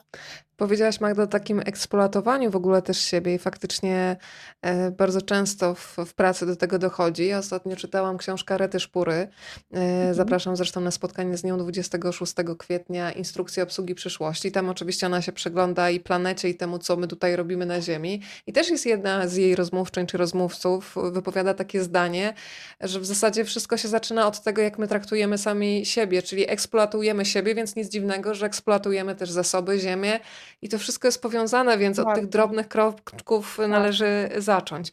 Pojawiło się pytanie Piotrka, e, co jeśli chodzi o relacje damsko-męskie, czy wrażliwiec z wrażliwcem to dobry przepis na związek? Wy poświęcacie też sporo miejsca w swojej książce temu zagadnieniu. E, oczywiście o tym, z kim my się wiążemy, decyduje bardzo wiele czynników i style przywiązania i to, czy na przykład jesteśmy DDA, bardzo skomplikowane zagadnienie, ale znowu to jest moment na to, żeby się zastanowić. Tam się pojawia w waszej opowieści między innymi to, jak bardzo często jakaś jest taka niewidzialna siła, wręcz powiedziałabym, przyciągania pomiędzy wrażliwcem a narcyzem. To tutaj odpowiedź dla Piotrka i co powoduje, że często właśnie no, dwa typy, które sobie nie służą, bym powiedziała, bo się zaczyna robić toksycznie, czyli narcyz i wrażliwiec jakoś się łączą. Jak jest z tymi wrażliwcami razem w duecie? Magda. Panie Piotrze, ja nie wiem, czy, czy, czy, do, czy to jest dobry przepis na związek, bo przykład, który, a, albo czy zły, tak? Bo to jest kwestia jednej i drugiej strony. No ja e, chwilę temu podałam przykład e, małżeństwa, które jest wysoko wrażliwe i one się wspaniale uzupełniają. Wymaga to od nich różnego rodzaju takich kompromisów, wsparcia i poznania siebie i chęci przede wszystkim poznania siebie, tak? bo wrażliwość potrzebuje też wolności, oprócz tego, że lubi bardzo absorbować i, i, i, lubi też być obok i potrzebuje tej, tej obecności, tego przytulenia, tego bycia i tak dalej. Natomiast e, nie odpowiem jednoznacznie, czy to jest dobry przepis. Powiedziałabym raczej tak, że jest to po prostu możliwość bycia z osobą, która rozumie Ciebie lepiej niż inni, ale nie oznacza to wcale, że jeżeli wrażliwiec zwiąże się na przykład z niewysoko wrażliwą osobą, że nie mamy tutaj używać takiej nomenklatury, to będzie mniej szczęśliwa. Nie, bo ten pierwszy przykład, który podałam też dzisiaj, e, mówił o tym, że ja chcę się Ciebie nauczyć, pokaż mi, jak to zrobić. I i jakby tutaj ta przestrzeń jest. E, uważam, że za każdym razem, niezależnie od tego, jaka to jest konfiguracja, jeżeli po jednej i drugiej stronie jest e, chęć do tego, żeby się poznać, do tego, żeby być razem, do tego, żeby się traktować partnersko, e, no to jest szansa na to, że ten związek będzie dobry, może nie, będzie spełniony i będzie nam w nim po prostu dobrze. Kolejne pytanie od Piotra. A wrażliwość i piękno. Czy w głębokich emocjach postrzegamy piękno mm, i dlaczego tak często i chętnie do nich wracamy? Kiedy nauczyłem się, że to jest pułapka, życie stało się prostsze. Jak panie postrzegają tę kwestię? Ja muszę trzy razy przeczytać to, to, to pytanie. Ja też właśnie się, ja muszę je rozgryźć, tak. Wrażliwość i piękno. Często w głębokich emocjach postrzegamy piękno i dlatego tak często i chętnie do nich wracamy. Może chodzi o to, że jako Ale... osoby mhm. E, czułe e, na e, jakby otoczenie i detale, po prostu na nie częściej zwracamy uwagę, a skoro zwracamy na nie uwagę i na przykład bardzo często, skoro zwracamy uwagę, to je widzimy i E, chcemy widzieć to częściej. Może chodzi o ten, tę pułapkę nadmiaru, ale, ale... A wiecie co? Albo też postrzegania różnych rzeczy. Ja na przykład dzisiaj u Moniki zobaczyłam na chyba takiego posta, dzisiaj chyba go miałaś. Miałaś takie zdjęcie na Demadermagu chyba. E, takie poświąteczne, gdzie był obrazek z cukierka i wiecie co, jak ja to zobaczyłam, to jest akurat, to moim zdaniem, Panie Piotrze, chyba trochę odpowiemy na to pytanie. Umiejętność postrzegania albo w ogóle to, w jaki sposób my postrzegamy piękno i na co my zwracamy uwagę. Dla mnie to była subtelność, delikatność. I sobie myślałam, wow, jakie, jakie kreatywne zdjęcie. W ogóle ja tam zobaczyłam takie ład, taki ładny element, że aż tak siedziałam i mówię, no niesamowite. Rozumiecie, ta umiejętność zachwycania się, na przykład teraz kwitną drzewa niektóre, tak? Albo na przykład jak idziemy do jakiejś galerii i oglądamy obrazy, albo jak na przykład, nie wiem, e, w weekend byłam nad morzem, tak? I gdzieś tam się zachwycałam morzem. Każdy sobie potrafi te, e, te obrazy sam zapisywać, więc tutaj bym może w tym kierunku poszła, że my potrafimy rzeczywiście patrzeć na życie zupełnie inaczej i się zachwycać, dokładnie, i się zachwycać. E, pytanie zaraz będzie Agnieszki, ale widzę, że faktycznie uciekłyśmy z pytania, e, które trochę zasygnalizowałam, e, bo nam ten narcyz uciekł, a panią Małgo się zainteresował. Agnieszka obiecuje, że za chwilę twoje pytanie też wybrzmi. Związek WWO i narcyza, ciekawy. Czy mogłybyście go rozwinąć? To rozwijajcie dziewczyny. Um, Związek narcyza i ja przynajmniej mam takie doświadczenia u siebie na spotkaniach, na konsultacjach, sama zresztą tego doświadczyłam w swoim życiu i, i uważam, że trzeba o tym głośno mówić, um, ponieważ jest to związek, który jest skazany od samego początku na niepowodzenie, na destrukcję, ale nas też wysoko wrażliwych, chociaż e, myślę sobie dzisiaj z perspektywy doświadczeń i doświadczeń moich tutaj podopiecznych, jak to nazywam, osoby, z którymi współpracuję, że po tej drugiej stronie też jest, wiem, to ogromne cierpienie i niezrozumienie, ale powiedzmy, że mm, jest to połączenie dwóch osób, które są przepełnione ogromem deficytów. Jest tam bardzo dużo takiej potrzeby bycia w tu i teraz, bycia otwartym na tą drugą osobę. Jest to emocjonalny roller coaster. W ogóle dużo, trochę więcej piszemy o tym w książce, ale ja chciałabym tylko zaznaczyć na, na takie, zwrócić uwagę na to warto zwracać e, swoją, swoją z kolei uwagę swoje, i też czucie swojego ciała w takich relacjach. To jest istny roller coaster, bo to są relacje, które cechuje niezwykła dynamiczność, taka nieprzeciętna w ogóle e, pomieszanie wszystkich e, emocji, od euforii do takiego, mam wrażenie, czasem szaleństwa, rozpaczy, płaczu, miłości. To jest istny, jak ja to czasem nazywam, taki koktajl Mołotowa. Zaczyna się od love bombingu, poprzez różnego rodzaju tutaj. E, Powiedzmy coś o kryje za hasłem love bombing, słuchaj, bo to brzmi to jest też taka dobrze. sytuacja, to jest to jest taki pierwszy etap relacji narcyza e, z osobą, którą się zainteresował, polegający na tym, że ta osoba bardzo mocno ciebie absorbuje na każdym polu. Ty w zasadzie nie masz e, e, możliwości nawet oddychania dla siebie, jesteś non-stop w centrum. ten czas jest przepiękny, jest przepełniony miłością, jest przepełniony adrenaliną. Tam, tam jest mnóstwo wszystkich takich dobrych rzeczy, po czym adoracji, zainteresowania, adoracji, jesteś królową miłości, świata. Jesteś królem lub królową świata dla tej osoby, żeby po jakiejś chwili stać się po prostu nikim. I to boli najbardziej. Mhm. I to ma e, swoje fazy, to wraca i to jest jakby, no myślę, że też temat na być może na drugą rozmowę, bo te, o tym można by było mówić godzinami. Natomiast na pewno to nie są relacje wspierające, takie, które my, e, po których my się czujemy jakoś, jakoś bardzo zbudowani.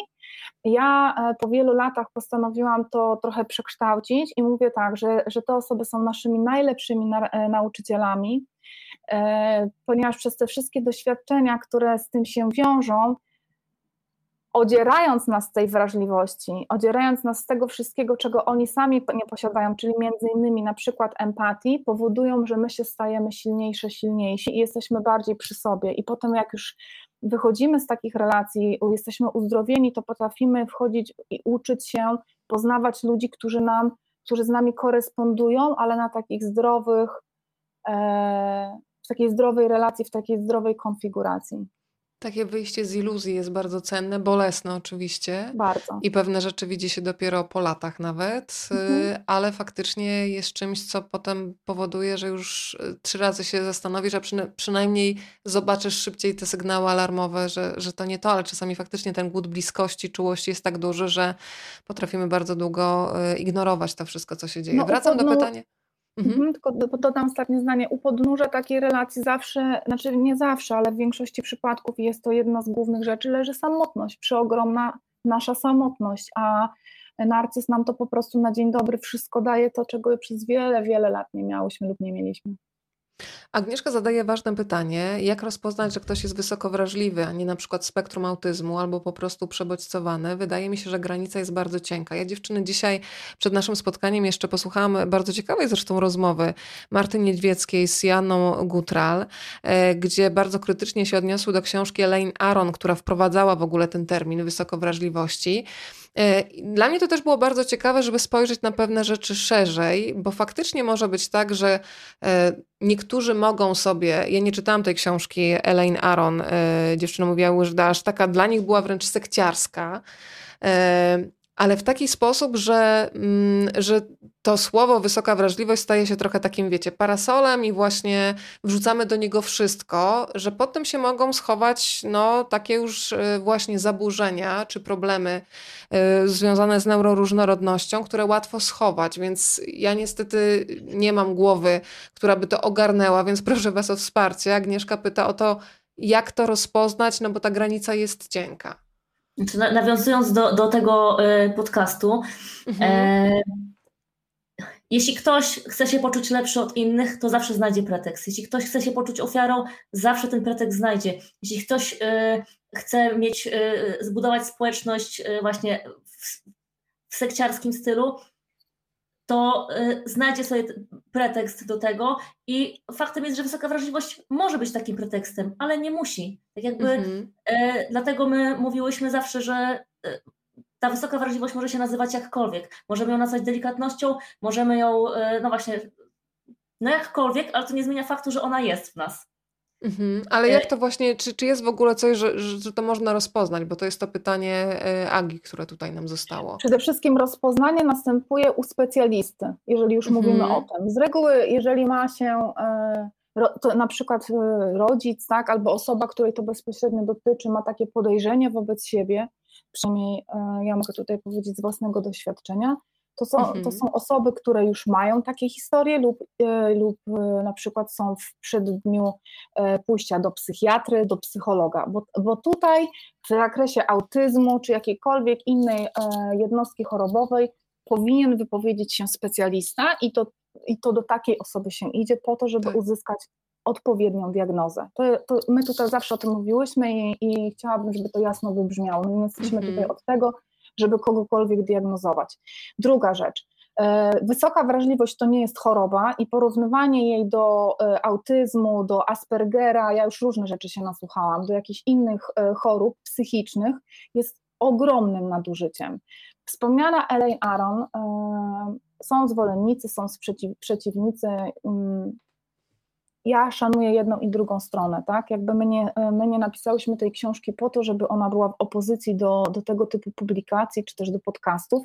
My napisałyśmy tą książkę w odpowiedzi na takie historie, które, które po prostu mówią o tym, że mają dosyć rwania sobie włosów z głowy, dosyć e, płaczu przez całe swoje życie, bo nie rozumieją, dlaczego przebodźcowanie powoduje, że one się po prostu czują po pół dnia słabo, dosyć mhm. tego, że są wrażliwe i patrzą na przykład oczami na sztukę, a ktoś tego w ogóle nie rozumie i wyśmiewa.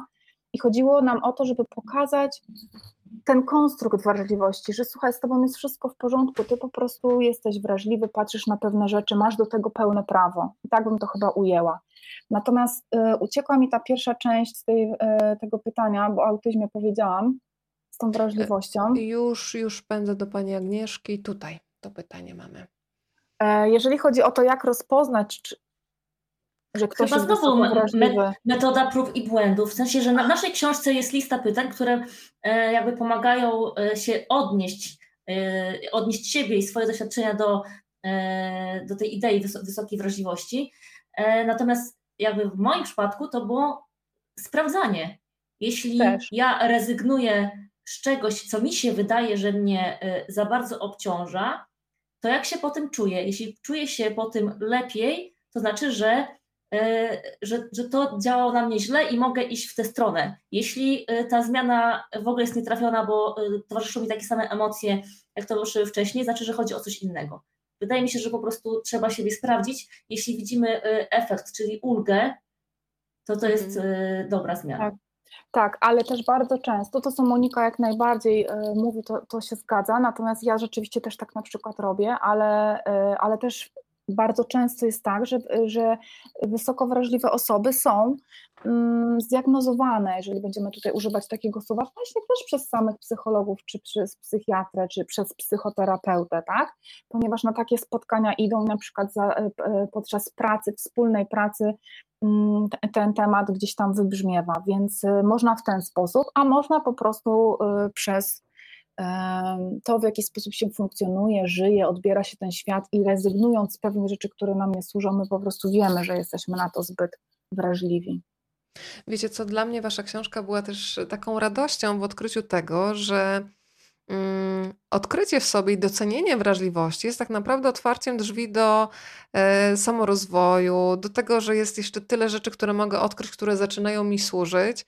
I w tej waszej opowieści jest bardzo dużo takiej czułości, takiego, że siedzisz po prostu z kimś, kto ci dobrze życzy, dzielicie się swoimi historiami, tak jak powiedziałyście, to nie znaczy, że e, skoro siebie odnajdujecie jako wrażliwców, wrażliwe, wysoko wrażliwe kobiety, to funkcjonujecie i reagujecie tak samo. Nie. Dla mnie też bardzo ciekawy był wątek, kiedy mówicie o osobach wysoko wrażliwych ekstrawertykach i introwertykach i pomyślałam sobie, że w tym zestawie introwertyk, który się zamraża, ma chyba jeszcze trudniej. No ale tutaj znowu bym nie chciała stopniować. I jak ten podział wygląda? Bo znowu się okazuje, że tych podtypów naszego reagowania jest mnóstwo, więc e, w którym się odnajdujecie? Bo ja teraz sama zaczęłam myśleć, ja chyba jednak ekstrawertyk bardziej, ja, ale... Ja większość swojego życia byłam, czułam się w ekstra... Znaczy czułam się, hmm, czułam się ekstrawertykiem. Tak, ale z biegiem lat po 40 mi się zmieniło. Czyli ekstra, pełna ekstrawersja w pracy i na zewnątrz, czy na takich spotkaniach. Natomiast jak już jest po wszystkim, to jednak budzi się we mnie ten, ta introwertyczność i rzeczywiście to wycofanie i wtedy w domowych pieleszach z moim psem czy kotem, czy tam z rodziną, więc raczej tak. Ja też jestem ekstra.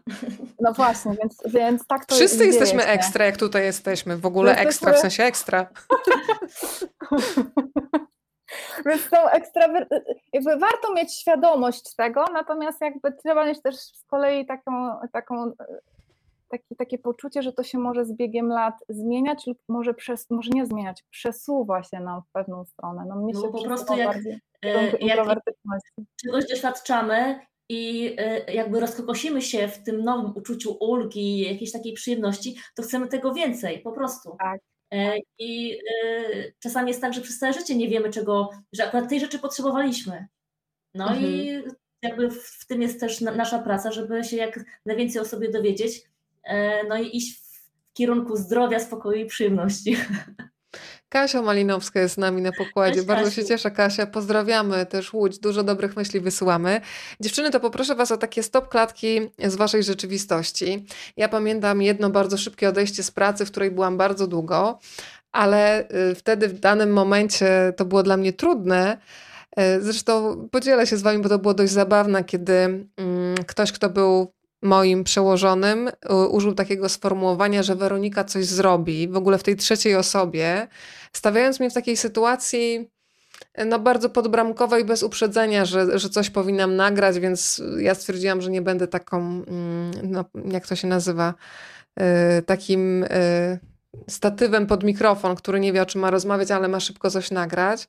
Więc powiedziałam, że z szacunku dla osoby i dla anteny jednak tego nie zrobię. I usłyszałam właśnie takie zdanie: Weronika nagra. I słuchajcie, bez kontroli umysłu wypłynęło z moich ust coś takiego, dzisiaj się z tego śmieję. Weronika nie nagra. Ja nawet tego nie byłam w stanie przetworzyć.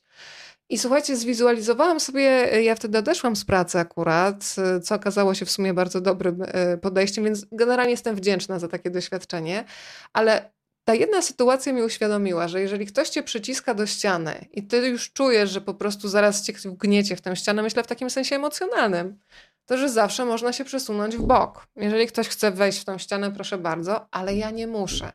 I to była jedna sytuacja, do której ja się naprawdę dzisiaj uśmiecham, bo wydobyła mnie z takiego myślenia pułapkowego, że ja muszę coś zrobić. Jak już coś zaczęłam, zależy mi na tym, to ja skończę, choćbym miała po prostu, wiecie co zrobić po prostu. I teraz to jest tak uwalniające w głowie, więc zastanawiam się, czy macie jakieś takie stop klatki, które w sytuacji, kiedy się działy, wywoływały duży stres, być może płacz, bo reagujemy też emocjonalnie, ale z perspektywy czasu siedzicie się po prostu do tego uśmiechacie.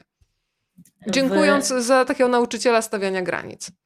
E, u mnie tak, tak było z, z projektami, że jeśli e, wkładam coś w pracę, jeśli realizuję to przez e, rok, półtora, dwa lata, ale przestaje mnie to cieszyć i przestaje mi to sprawiać radość, wręcz jeszcze sama na siebie nakładam presję i inni też nakładają na mnie presję, to co mam zrobić? Czy mam zrezygnować i iść e, za swoimi odczuciami, czyli przestałam e, czuć przyjemność i zaczęłam się zmuszać, czy myśleć jakby, znaczy myśleć, myśleć rozumiem, odbierać tę sytuację rozumowo, że skoro poświęciłam na to tyle czasu, zainwestowałam bardzo dużo, to powinnam w to iść, mimo że to mi nie sprawia przyjemności. I y, jak pierwszy raz zrezygnowałam z czegoś, a to był chyba wspólny projekt z moją siostrą bliźniaczką, miałyśmy bloga. Y, Ty masz siostrę bliźniaczkę? Ojej, Mam ja Emilkę.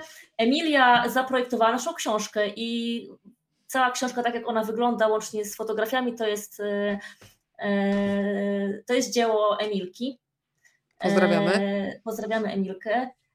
I po prostu we dwie zrezygnowałyśmy z, czegoś, co, na, co nas ciążyło, a pretekstem do tego było kupienie domeny, w sensie wykupienie na kolejny rok. Stwierdziliśmy, że tego nie robimy i taka ulga na nas spłynęła. Na szczęście miałyśmy z, e, podobną fazę z siostrą, więc obyło się bez, e, bez większego żalu, e, ale jakby wiadomo, że to jest taki ma, malutki przykład i jakby no, są w życiu cięższe sytuacje niż kontynuujemy projekt czy nie, E, natomiast na tym się uczyłam, że e, jeśli ja nie myślę o czymś, jak wstaję rano, jeśli ja tak bardzo jakby nie rzucam wszystkiego, żeby to zrobić, to znaczy, że ja nie chcę tego robić. Znaczy, że nie mam na to, na to po prostu miejsca, e, nie mam, na to, nie mam na to serca i tak samo jest i z, i z relacjami, bo są osoby, które, które poznałam.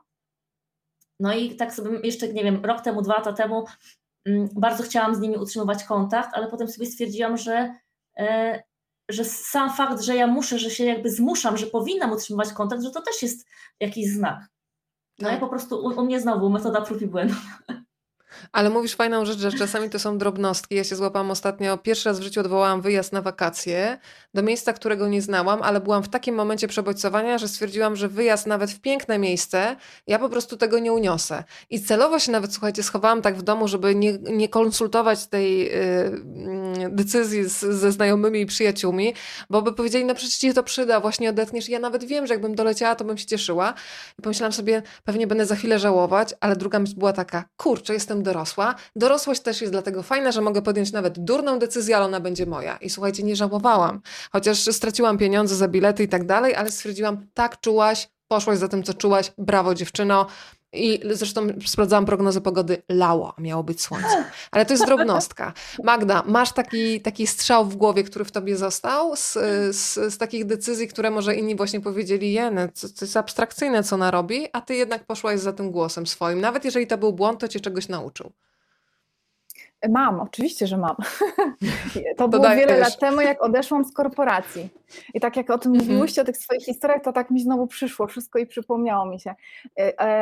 Wspomniany perfekcjonizm, tak, non-stop po prostu dociskanie siebie na każdym poziomie, w każdym obszarze, życie od tylko pracą, godzina 8 rano, czy tam 6 rano wstawałam, 8 rano e, już do pracy, do 22 kierat pewnego dnia przebudziłam się. Moje, ja nie miałam życia w zasadzie. Jak sobie o tym myślę, to nie miałam, ale ja lubiłam swoją pracę, tylko że ja już po mhm. prostu nie dawałam rady. I naprawdę fizycznie się tak wyeksploatowałam, pracując non-stop na 300%, robiąc wszystko za wszystkich i pracując z tymi ludźmi i tak chcąc bardzo, że któregoś dnia moje ciało zwyczajnie w świecie odmówiło mi posłuszeństwa. Ja wstałam rano i powiedziałam do mojego y, ówczesnego męża, mówię tak, słuchaj, ja odchodzę z tej pracy, Mhm. A on tak się na mnie patrzy, ale jak? Ja mówię, tak, odchodzę, to jest mój ostatni dzień. I ja z tak silnym przeświadczeniem, dla mnie takiej zorganizowanej, takiej w ogóle oddanej, no to było nie do pomyślenia. I ja znalazłam pracę, nie pamiętam, jakoś tak bardzo szybko nową, chyba w dwa tygodnie. Oni czekali na mnie miesiąc, bo mnie z tamtej pracy nie chcieli wypuścić, ale to był najszczęśliwszy moment, ponieważ bardzo mocno somatyzując, moje zdrowie podupadło, bardzo mocno. I to był taki szok też, ponieważ ja poszłam do lekarza, pamiętam, że miałam wtedy zespół jelita drażliwego i pan doktor powiedział, ja miałam 27 lat i powiedział do mnie tak, pani Magdo, wszystko fajnie, ale pani jelito to wygląda tak jak u 60-latki. Co robimy z tym dalej? Ja mówię, to niemożliwe. Ja mam tutaj audyt za chwilę, o czym pan mówi, nie? Ja poszłam do tej pracy. Ja tam wytrzymałam chyba jeszcze dwa tygodnie. I to była mhm. najlepsza decyzja, chociaż była bardzo trudna, dlatego że w moim poczuciu odpowiedzialności i w tym wszystkim, co ja tam robię, mi się wydawało, że jestem taka nie do zastąpienia. Nieprawda. Zastąpili mnie bardzo szybko. E, dużo się tam nauczyłam, jestem wdzięczna za to doświadczenie, ale nigdy w życiu nie wróciłabym do takiego miejsca, chociaż uważam, że tego typu miejsca też budują nasz kręgosłup. Natomiast mnie osobiście nie służą takie klimaty, więc tak, to był taki moment zwrotny w moim życiu.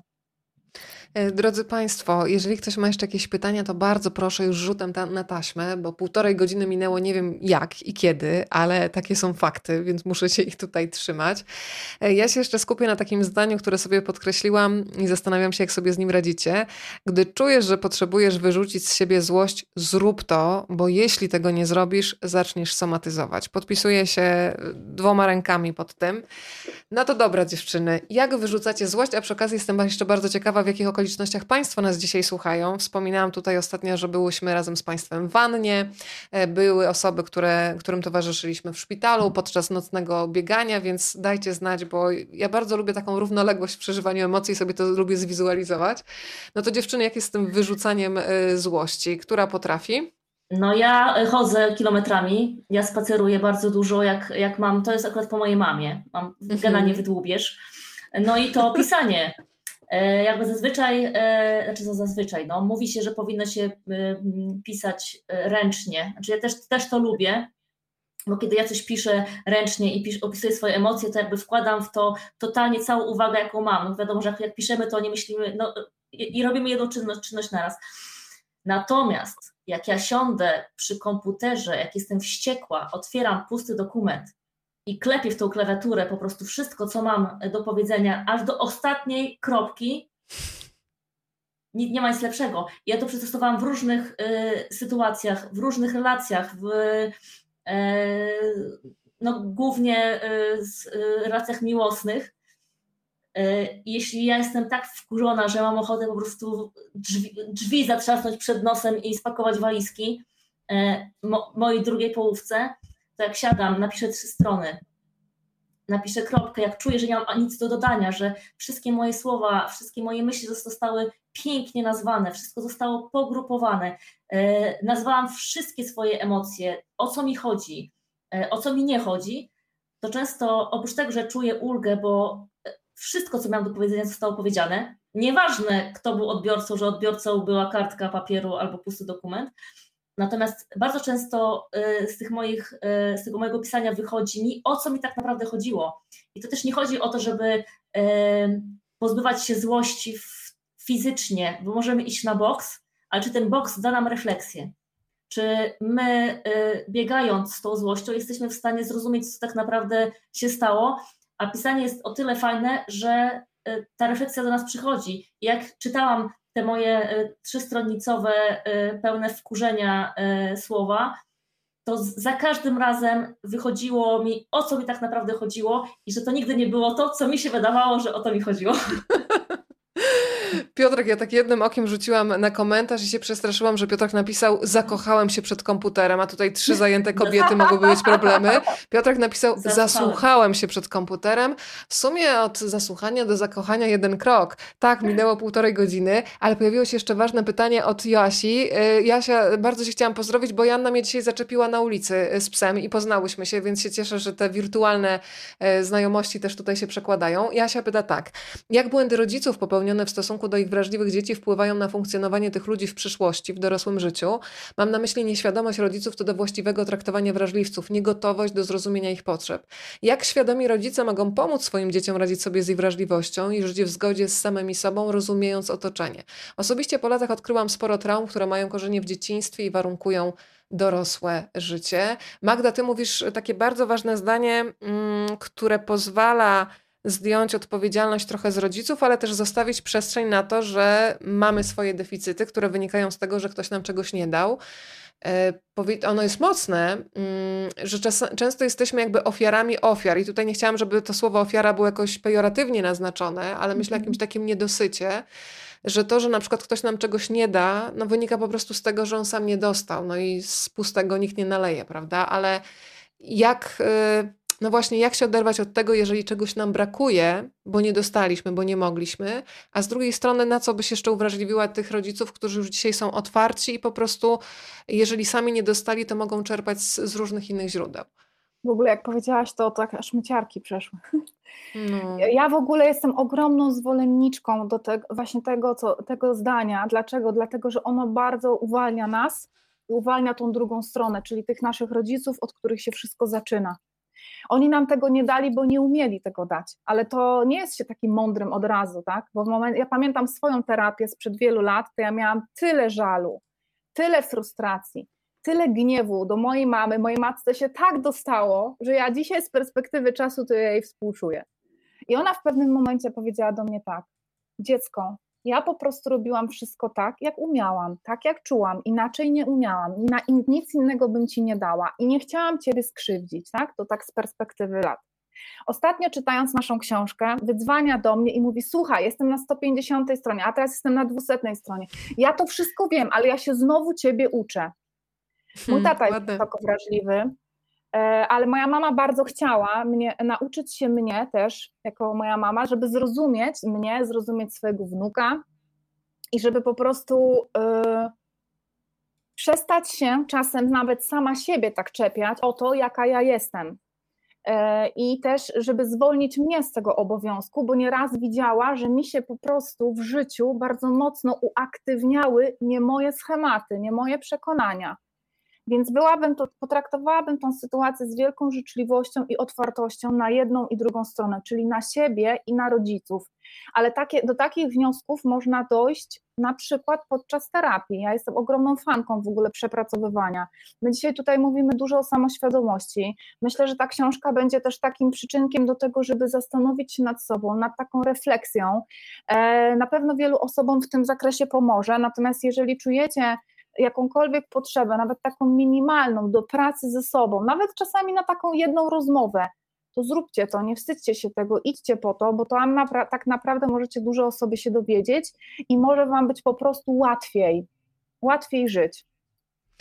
Przekonałyście mnie też takim prostym zdaniem to, co powiedziałaś Magda, że nie będziemy ci odkrywać Ameryki, ale faktycznie, jeżeli na przykład czuję się niepewnie za kierownicą, to bez problemu idę na jazdy doszkalające, no bo czuję, tak. że po prostu y, nie, nie jest dobrze na tej drodze. Więc jeżeli czuję, że czegoś mi brakuje, że może czegoś nie potrafię nazwać, to faktycznie terapia jest czymś. Ja uważam, że to jest fantastyczna rzecz, którą można potraktować tak rozwojowo i to jest w ogóle frajda, kiedy przechodzisz przez te bolesne etapy. Oczywiście to nie jest miłe, ale nagle, kiedy ta wajcha się przestawia i ty nagle dostajesz klucz do samej siebie, to to jest bardzo wzruszające spotkanie.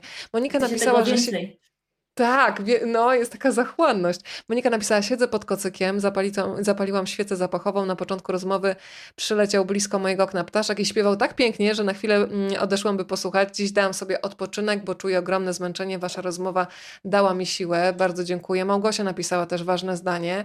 Po prostu całą sobą oglądam i słucham, bo zależy mi na poznaniu siebie bardzo mocno. Chyba siebie szanuję. Tak, ten szacunek do samego siebie, nad tym też trzeba e, pracować. E, Beata widziałam, że projektuje e, okładkę i nas e, słucha.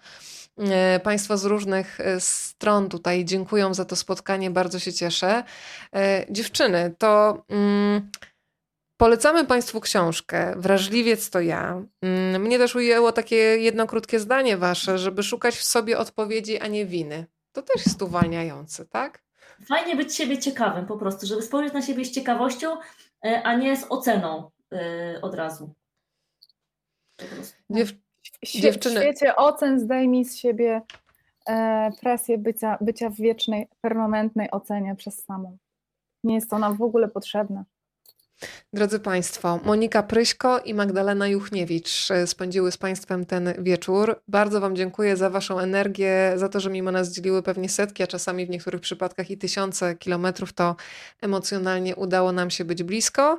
E, dziewczyny sporo też piszą o odwadze, więc ćwiczmy po prostu tą swoją odwagę, jak mięsień na siłowni, czasem sobie zróbmy labę, e, ale z taką ogromną czułością i ciekawością samego siebie. To będzie chyba dzisiaj podsumowaniem. Wrażliwiec to ja. Bardzo dziękuję dziewczyny za książkę i za rozmowę. Dziękuję bardzo, Dziękujemy. Bardzo. Bardzo dziękuję i pozdrawiamy Wasze wydawnictwo, czyli wydawnictwo Paska. Spokojnej nocy. Y, Monika jeszcze, Monika nie wiem, czy spacer jest w planie, ale Magda podejrzewam, że nawet spacer będzie koniecznością, bo tam pies czeka, tak? No bo nie, zasnęła. To może nie. Budzenie na spacer będzie. Ale tak patrzy jednym okiem. Nie, no, Bardzo pójdę, pójdę. To mentalnie y, macham ogonem, dziękując Wam za to spotkanie. Dobrej nocy i do zobaczenia. Dziękujemy. Dziękuję Wam bardzo. Pozdrawiamy. Pozdrawiamy.